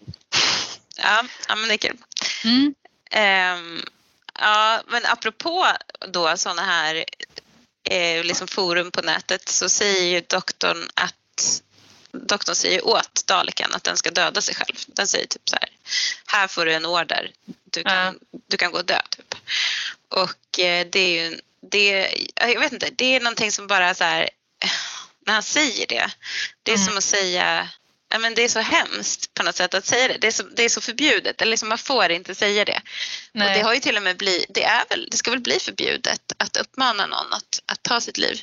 Men, men, men, det är ju en ganska vanlig, eller i Sverige tror jag, men det är mm. i alla fall en ganska vanlig liksom, uppmaning i sådana här forum. Eller jag vet inte om det är en vanlig uppmaning, men det är ju någonting som förekommer. Att folk säger till andra så här, du, du är så dålig gå och dö, liksom. gå, och ta, ja, gå och ta livet av dig. Ja, Vilket är jättehemskt eftersom folk gör det också. Eller liksom att det ja. händer ju att folk gör det. Ja. Eh, så det känns, ja, det bara liksom, när han sa det så kände jag bara så här, red alert, alltså det kändes dåligt i mig att han sa det. Eh, ja. Även om han sa det till en Dalek. Men, Men Daleks ju, svar är ju verkligen, ja det var ju det du skulle säga, eller hur? Ja men precis, men fortsätt. Ja men Daleken svarar ju så här, eh, du skulle göra en mycket bra Dalek. Mm. Och det är ju ett, eh, en comeback som eh, heter duga. Som gör ont. Ja verkligen, den sitter där den ska. Precis. Mm. Uh. Ja, så det är ju en av de där eh, som det finns fullt av i det här avsnittet. De här små dialogerna mellan Daleken och doktorn som verkligen säger någonting om doktorns karaktär eh, och eh, vem, vem han egentligen är. Eh, mm. så. så det är bra, tycker jag. Mm. Mm. mm. Ja, precis. Um, och nu är det ju någon slags, här kommer vi till seriens, eller så här, avsnittets kanske svagaste, jag vet inte, plott, alltså vad som ska hända här, det är så himla konstigt. Nu måste de alltså stänga de här dörrarna, mm. säkerhetsdörrarna och de måste göra det på en gång. Och de måste mm. också göra det för att sen kommer eh, liksom energin ta slut, eller vad heter det, elen kommer mm. försvinna så de inte kan stänga de där dörrarna.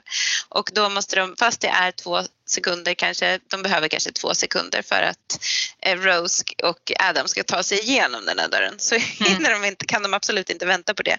Och igen så offrar doktorn Rose liv. Ja. Vilket i och för sig kanske är rätt för att den här, om den här daleken slipper ut så kan den döda hela mänskligheten. Ja. Men eh, jag vet inte hur han sen reagerar när han tror att hon har dött.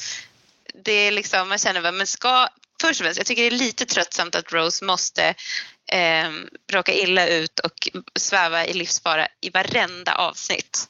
Mm. Varför är det allt, det, jag vet inte, måste det vara så hela tiden? Och sen också att det är hela tiden doktorn som på något sätt försätter henne i den här faran. Verkligen, trots att han också bara i förra avsnittet har lovat Jackie att han ska hålla henne eh, vid liv eller hålla ja, henne säker. Han eller, lovade ju inte det. Det var ja. ju, Jackie ville att han skulle lova det men han svarade väl inte ens. I och för sig. Han, han förstod att han inte skulle kunna det. Men det känns ändå så här, inte bra. Han borde mm. ju kunna göra bättre. Men här, det här är ju en sån här klassiker också, en sån här obehaglig scen. Ja. Den här dörren som går ner och någon som ska rulla igenom. Verkligen. Och det här att våga ta sig igenom men man kanske ja. blir mos, man kanske går av på mitten. Liksom. Ja, men också så här, eh, på tal om plot holes då. Vi har ju nyss sett att Daleksen kan ta sig igenom alla dörrar. Så varför mm. Det går ju inte att stänga in den. Ja, men det är sådana här säkerhetsdörrar, vet du. de är Dalek-säkra. Just det, just det. Då de, de skulle ju... skydda mot kärnvapenanfall eller var det inte något sånt? Ja, men inte mot en Dalek. Fast ja, doktorn tror ju på det uppenbarligen. Ja, han måste väl tro på det. Ja, men precis. Han måste ju tro på det eftersom han ändå offrar eh, Rose mm. liv för att han tror på det så pass mycket. Liksom. Ja. Så han, han när Adam tar sig igenom och Rose gör det inte.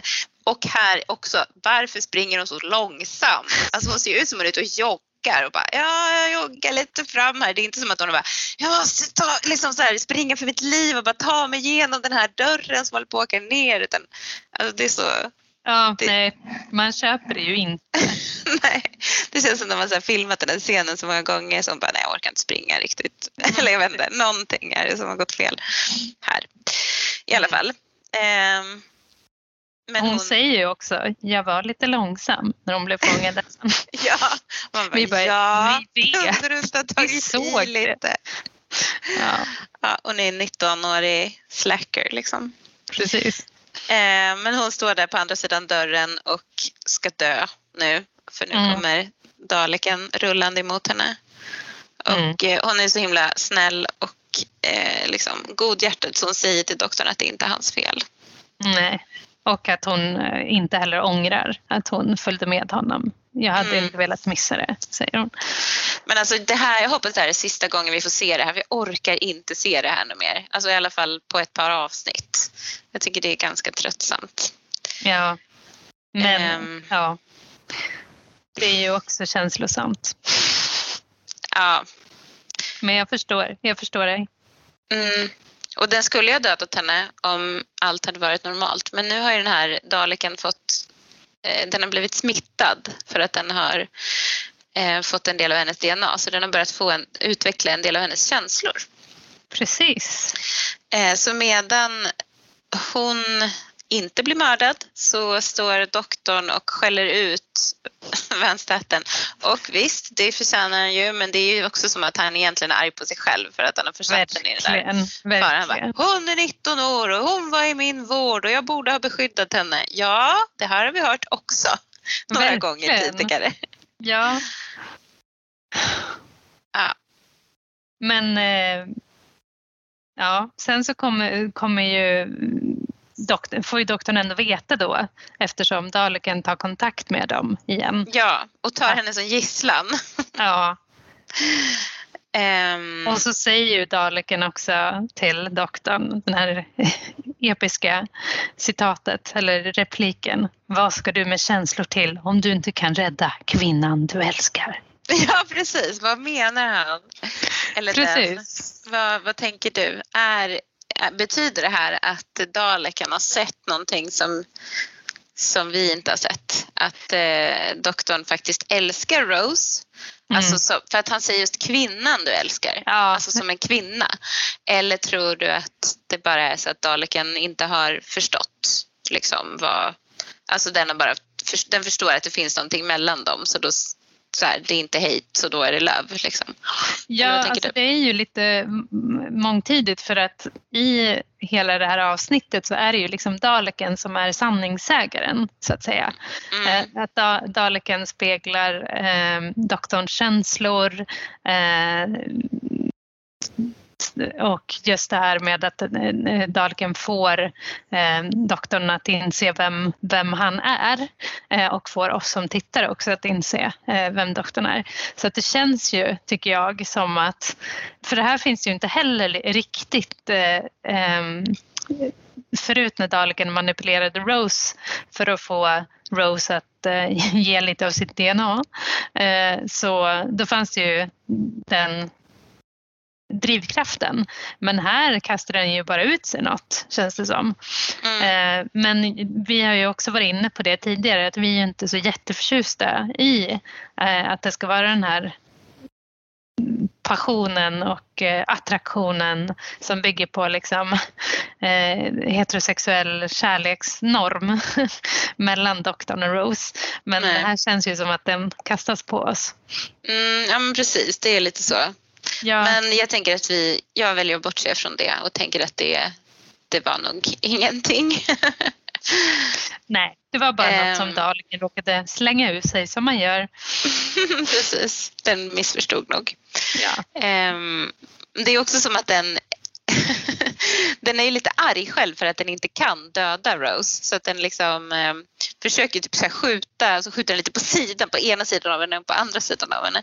Det är lite mm. som i Buffy när Spike, vampyren Spike eh, inte kan bita eh, människor längre och han liksom försöker och försöker så kan han inte göra det. Så blir han så här, åh, kan inte. Och så han försöker också bita då en människa som, då försöker, de börjar, som börjar trösta honom. Bara, Nej men det går säkert, det var säkert bara tillfälligt. Ja. Ja. Um, jag gillar hur så... du alltid kan få Buffy-referenser in i varje avsnitt nästan. Det är, en, det, är en god, det är en bra sida tycker jag. Ja.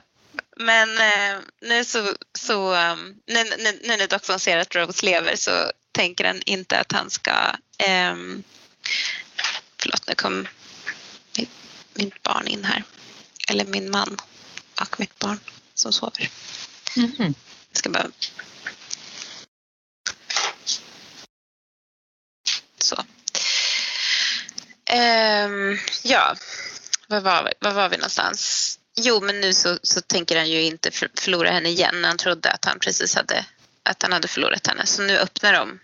Nu kan de tydligen öppna de här dörrarna eh, fast ja. elen höll på att ta slut. Eller men man blir ju också, alltså, det, jag köper inte heller riktigt den här grejen att han först är så här, eh, gör ett överlagt beslut om att ja, men, mänskligheten eh, och universum är viktigare än Rose så jag offrar henne. Och sen så får han känna hur det känns att offra henne. Och då så blir det inte så viktigt längre. Eller jag vet inte, det, man tycker ju att han skulle haft den impulsen från första början att han borde ha räddat Rose. Men jag fattar, mm. alltså, han är så irrationell. Han bara mm. låter sig, han är känslostyrd och vilket ju såklart vi människor är. Eller när jag säger vi människor så han är ju ingen människa men han ska ju spegla. Eller liksom vi människor är ju så. Men man blir mm. ändå lite irriterad av det tycker jag. Mm. Ja men precis. Men de, de inser att de kan inte stoppa Daleken med, med vanliga vapen men däremot så kanske de kan göra det med utomjord, utomjordiska vapen. Mm. Och då visar det sig att Adam har en liten eh, gömma. Mm. Så att han och doktorn springer iväg för att leta reda på några bra vapen som kan stoppa Daleken medan, medan Rose och Daleken åker hiss tillsammans, tror jag. Ja, jag det är mycket de är som händer i hissar. Det gillar ja, man. Men det, jag tycker det är väldigt roligt. Det är som att det är lite awkward att de står så här bredvid varandra bara mm, ja. okej vad händer nu? För det är liksom som att de ändå har fått någon slags band ja. mellan varandra. Fast Rose är förstås jätterädd för Daleken och tittar på dess vapen liksom och säger så här, jag hoppas, men du får inte döda dem. Eh, och då vänder Daleken sitt öga till det här liksom. Mm. Eh, men vad kallar man det? Eh... Man vill ju säga typ antenn. Eh, ja, man vill säga antenn. Ja. ja. eller vad heter det? Stetoskop? Nej, inte stetoskop. periskop. Det är som ett periskop. Ja. Om vi säger så här, doktor, eller ja, i alla fall, eh, så Daleken vänder sitt, liksom, sitt periskop mot henne så här, och styr så här, varför är du inte död? och, och liksom, den är liksom arg på sig själv för att den inte har kunnat döda henne. Och så säger den också och så börjar den ju få så existentiell ångest här. här. Varför? Vem är jag? Jag kan inte döda. Ja. Min enda funktion är att döda och jag kan inte döda. Vem är jag nu? Mm. Um, så den liksom börjar få så här jobbigt och det är liksom som att Rose är lite så här, nej men ja, alltså det känns ändå som att hon typ nästan vill trösta den stackaren. Ja, hon har så mycket empati, vår kära Ja men verkligen, ja. Och när, när dörren, upp, dörren öppnas så säger hon direkt eh, gör ingenting, den börjar, den börjar ångra sig eller den börjar liksom... Ja. Men får jag säga en sak bara som jag tyckte eh, var väldigt rolig när doktorn och eh, eh, den här killen eh, letar efter vapen. Mm. Då säger ju doktorn, för det här känner vi igen, den här lilla kaxiga doktorn som inte riktigt gillar andra män som har eh, liksom han, vi vet ju redan att han har varit ganska oävlig mot Mickey och så här, Mickey det och allt det där. Mm. Men eh, så frågar han ju den här Adam så här, men vad, varför har du eh, liksom, var, varför har du alla de här vapnen? Och så säger ju Adam någonting i linje med så här, ja men eh, jag vill ju kunna attackera om någon går till, eller vill försvara mig om någon går till anfall. Och då säger doktorn så här, ja vadå, skulle du kasta din examen på dem eller vadå? men det kommer ju från rätt person. Alltså jag menar, det tycker jag är lite konstigt för ja. doktorn är ju inte heller en våldsam person.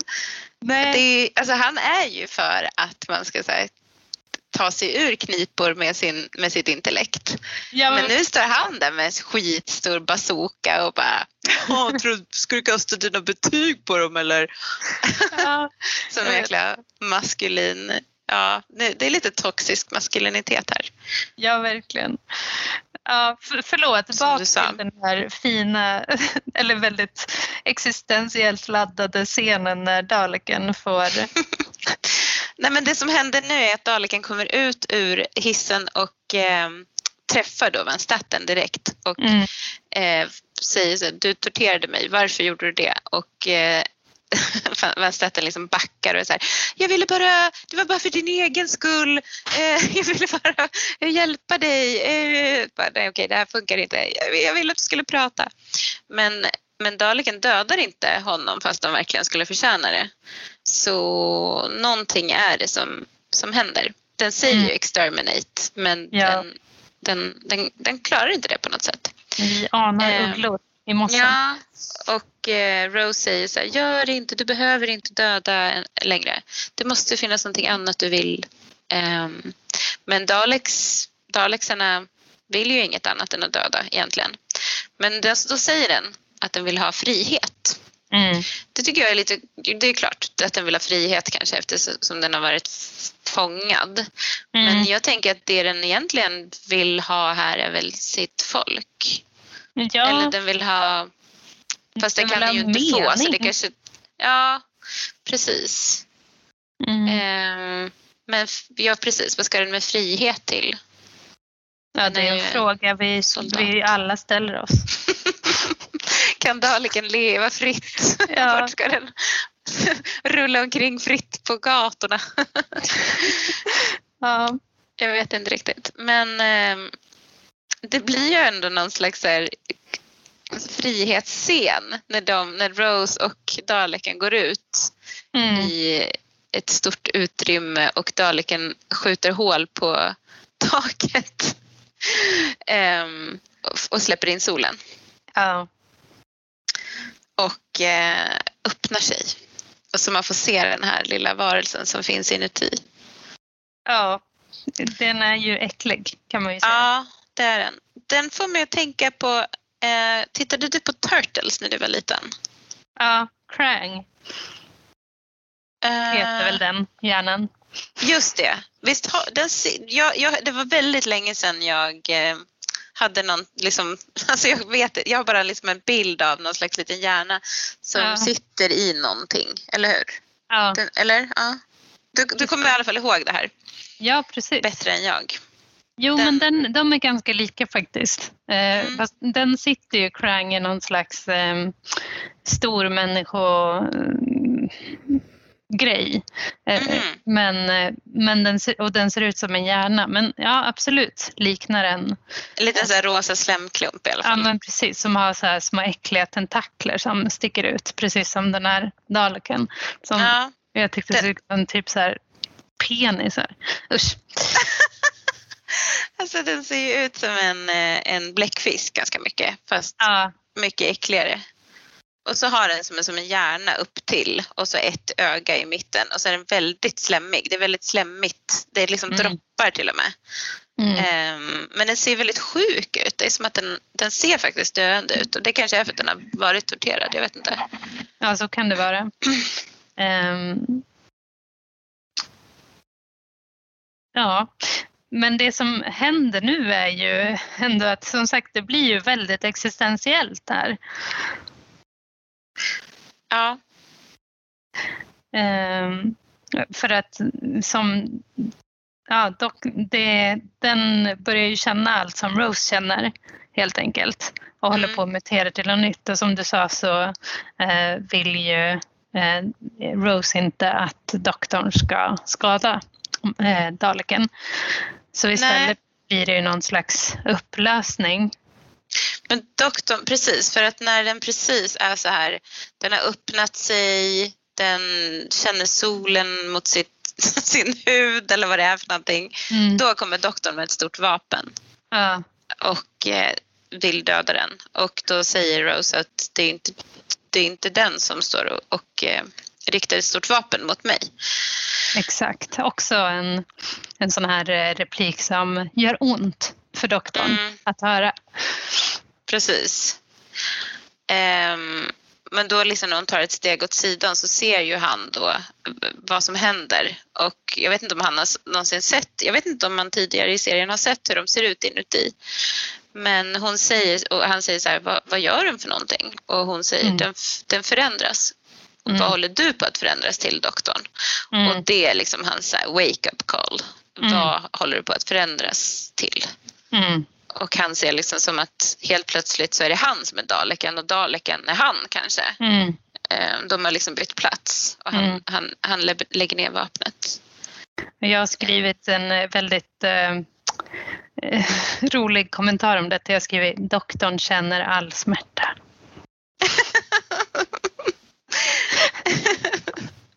ja, ja, doktorn känner all smärta.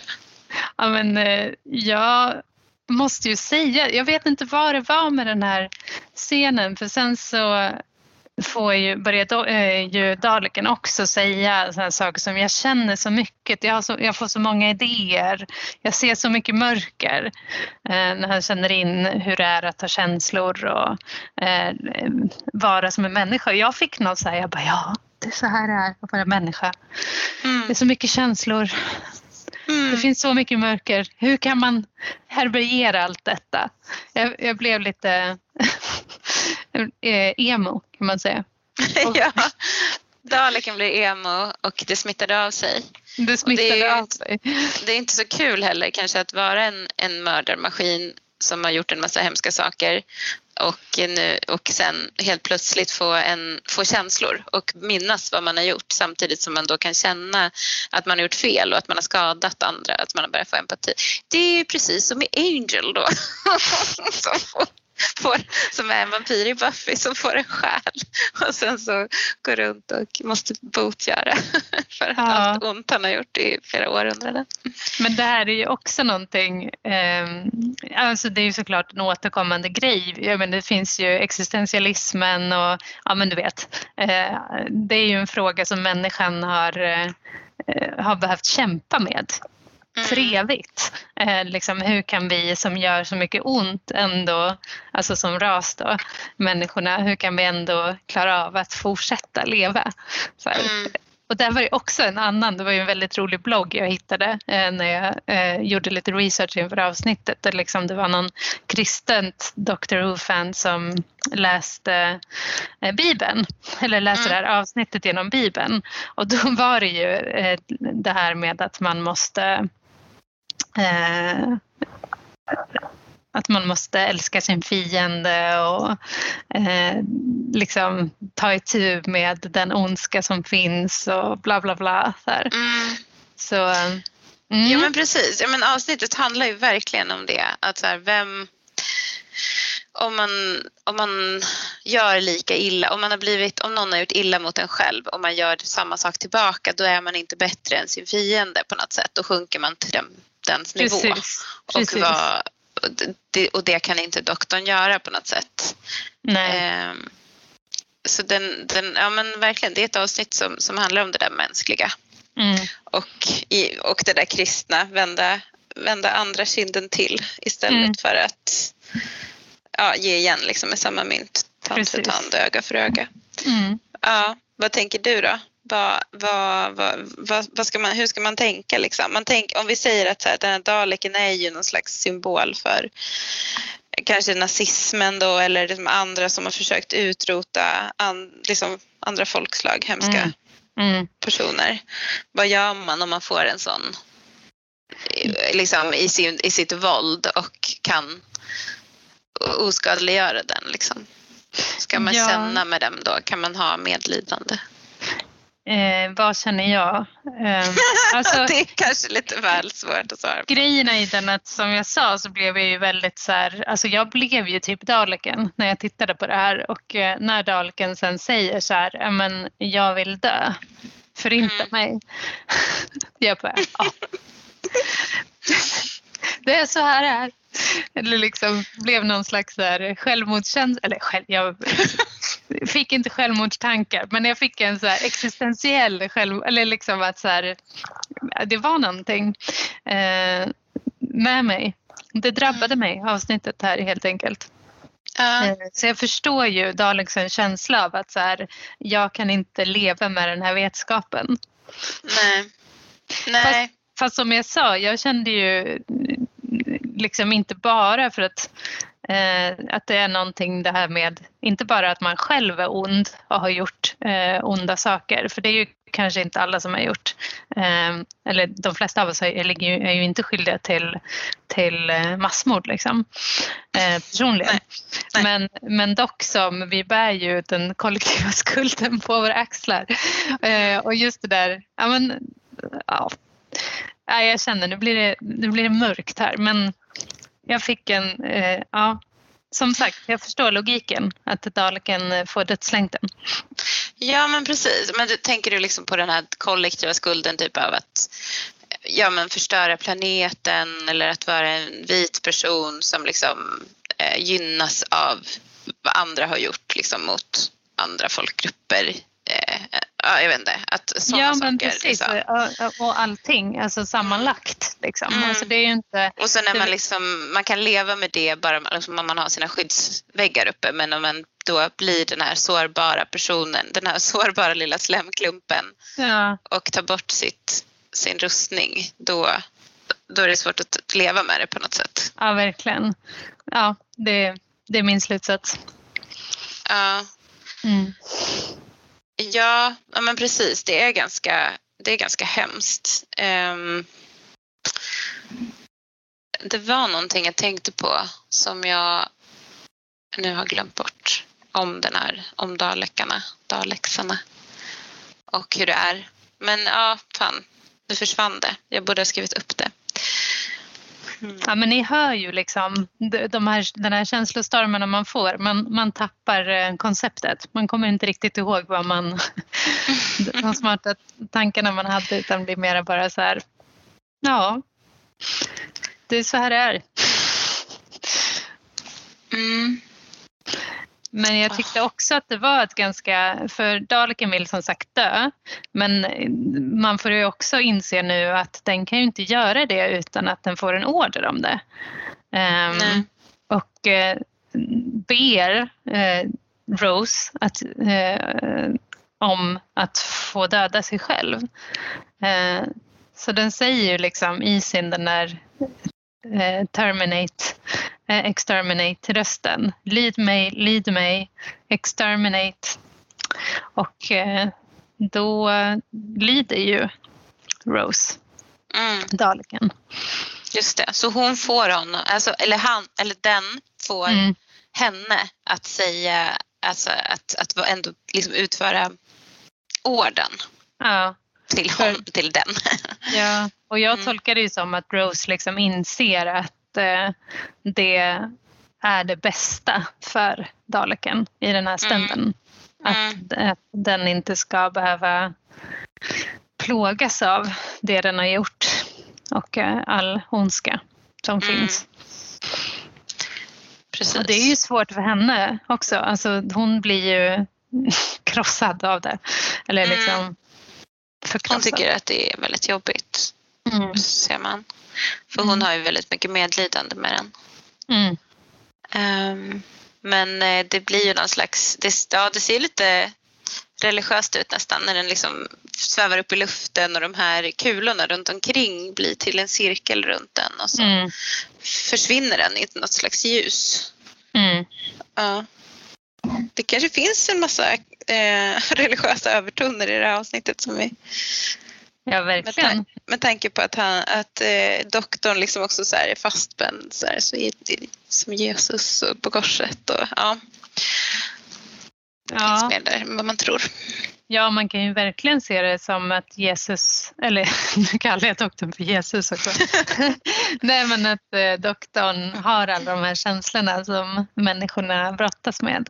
Mm. Eh, att han, är, att liksom, han, han får bära deras synder. synder. Exakt. på sina axlar. Mm. Det gör han ju lite grann. Mm. Mm. Ja. Ja, det är passande så här i påsktider. som det är när vi spelar in detta avsnitt. Ja, precis. Det är ju. tänka på att Jesus dog för våra synder. Mm. Alltså det här hade jag inte riktigt förväntat mig att vi skulle prata om när jag såg avsnittet men det känns helt logiskt nu. Mm. Ja, men det är liksom ett, det är ett väldigt bra avsnitt. Mm. Eh, det är väldigt starkt och eh, det jag också känner, alltså jag, jag jag, jag är väldigt förtjust i den här tropen med en ond karaktär som plötsligt börjar få eh, liksom andra tankar eller liksom, som, som börjar, som man börjar få lite, som man kan få plötsligt få sympati för. Ah. Alltså den här typ som ja men Darth Vader i, i Star Wars och även Kylo Ren fast han, ja. Men jag ska inte spoila där. um, eller liksom ja men det finns ju massa olika sådana karaktärer eh, mm. som, som liksom vänder och eh, Spike. Mm. Spike.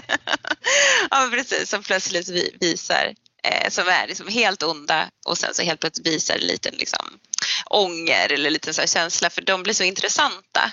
Mm den, så jag, liksom, jag blir, man, man, känner liksom så här, det kanske finns, åh, det kanske finns hopp för Dalexarna. Um, och eftersom det här är då första gången som jag lärde, liksom, träffade en Dalek så, så, så blev min, alltså min bild av Daleks är ganska ja, men jag är ganska intresserad av dem ändå. Jag tycker de är intressanta. Jag tycker de är roliga. Eller jag, den här karaktären blev i alla fall intressant. Ja, ja men absolut. Men alltså eh, omvänt också eh, det här med att eh, en ond karaktär får så att säga mänskliga drag. Det är ju ganska intressant när det händer tvärtom också att en karaktär som vi ser som god visar sig ha mörka drag.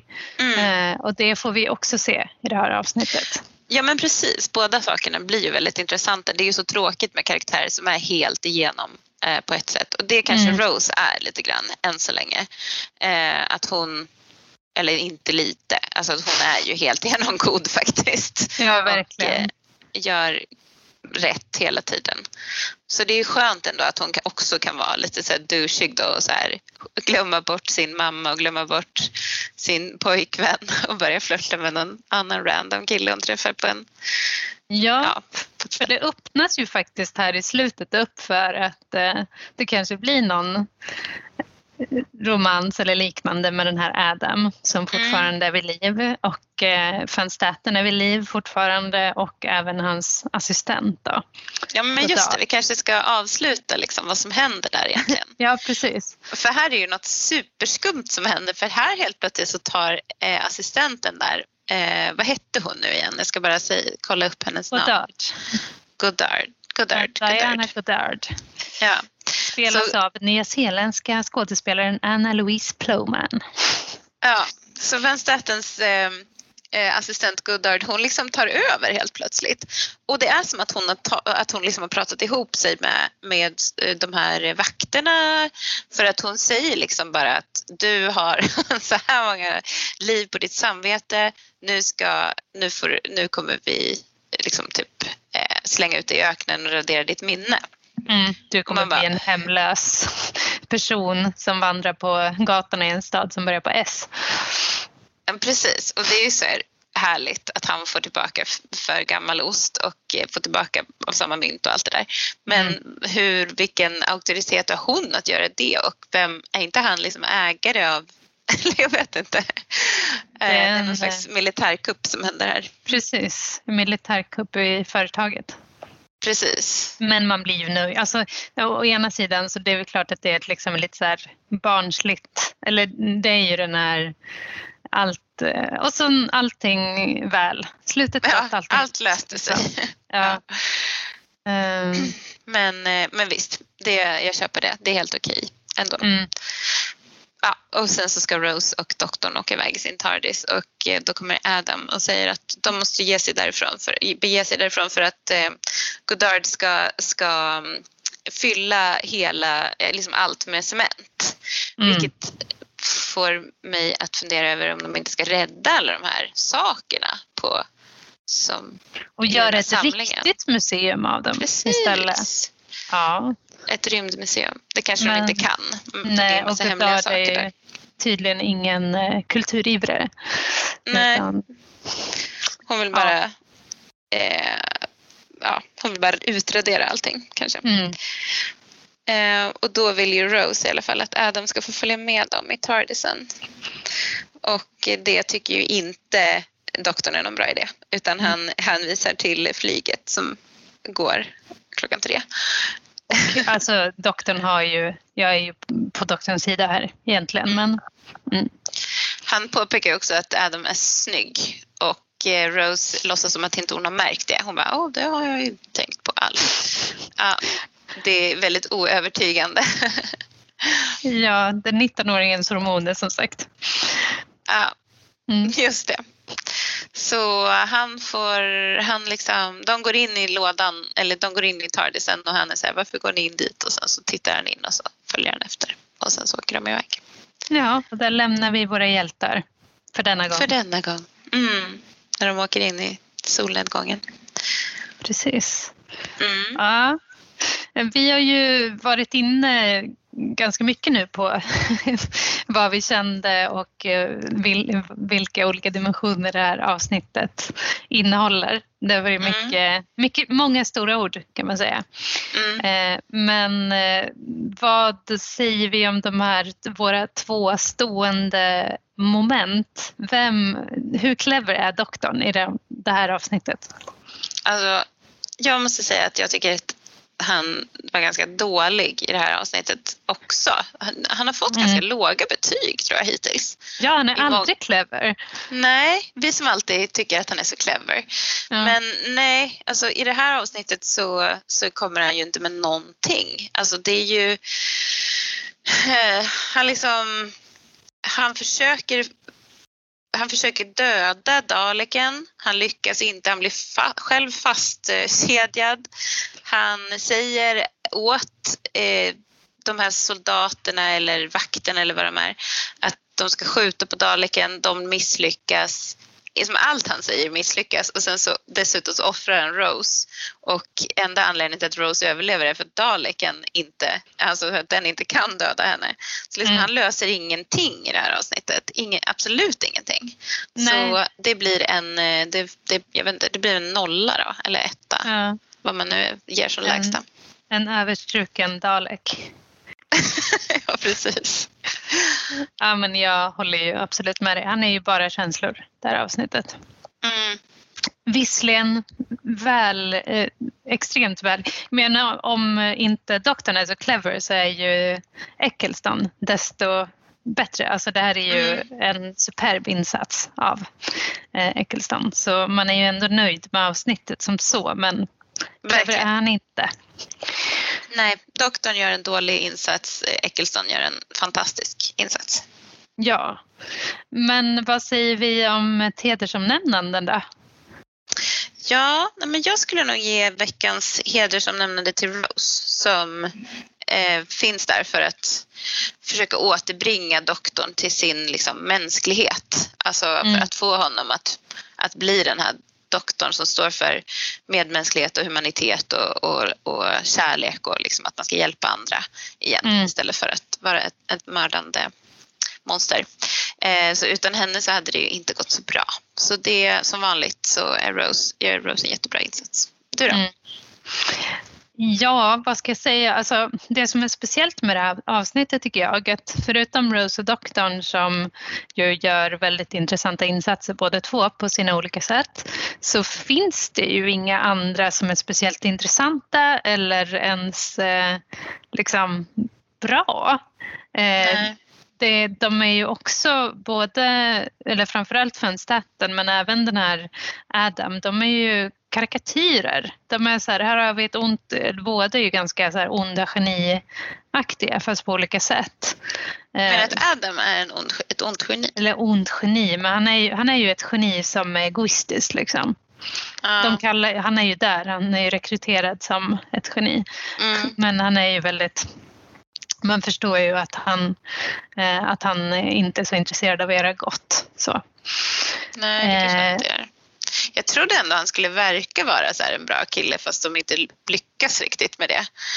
Um, men så kanske det är. Alltså jag tänker inte att han ska vara en då, jag tror inte att det är tänkt att han är skriven som en så här, eh, osympatisk karaktär. Ja, För då skulle nog inte Rose hålla på och flörta med henne ja, eller honom. Det är det jag tycker har varit konstigt för jag tycker ju att han är uh, osympatisk. Men, uh, ja men jag håller med men jag tror inte att det är tanken. Egentligen. Aha, men han lämnar ju, han kämpar ju inte alls för att rädda Rose när de blir instängda. Han bara kutar iväg och eh, ja. Mm. Men så det återstår. Så han får liksom. inte Han får inte hedersomnämnande. Och för mig blir det så här, ja då har vi Godard då. Hon är ju smart och visar sig och hjärtat på rätt ställe och sådär. Men jag tycker inte att hennes eh, insats är särskilt minnesvärd. Så, Men har, visar, på vilket sätt visar hon att hon har hjärtat på rätta stället? ja, men hon ser ju till att världen slipper van Staten. ja, men jag tänker det kan ju lika gärna göra med att hon är så här power hungry och kommer ta över och fortsätta göra ont. Nej, hon kommer göra gott. Men jag tycker Hon är ändå... ju kvinna. Ja, men precis. Jag tycker ändå att eh, hon är inte särskilt minnesvärd helt enkelt. Så den enda som jag tycker eh, utöver Rose och doktorn är ju den här eh, soldaten i trappan som jag var så förtjust i. Den kvinnliga Mm. soldaten som försöker eh, rädda situationen även om det inte går så bra. Så Som hon gör får en mitt. Hon gör en heroisk insats. Hon fast gör hon en heroisk åstadkommer någonting. Precis, heroisk och minnesvärd insats eh, vilket gör att hon förtjänar mitt hedersomnämnande. Mm. May she rest in peace. Okej. Ja men det är bra. Okej, ja men då är vi färdiga för idag. Och Ja. eh, vi vill bara påminna om att ni gärna får mejla oss på drwhopodden at gmail.com. Gör gärna det. Och eh, återkom nästa, gärna nästa avsnitt. Fortsätt lyssna på oss. Precis. Det var en bra idé. Ja, det är bra. Om ni orkar ta, ta er igenom de här superlånga detaljerade avsnitten. Det är klart att de gör. Ja. Eh, tack för idag. ja, ha det bra. Ha det bra. Hej då. Hej då!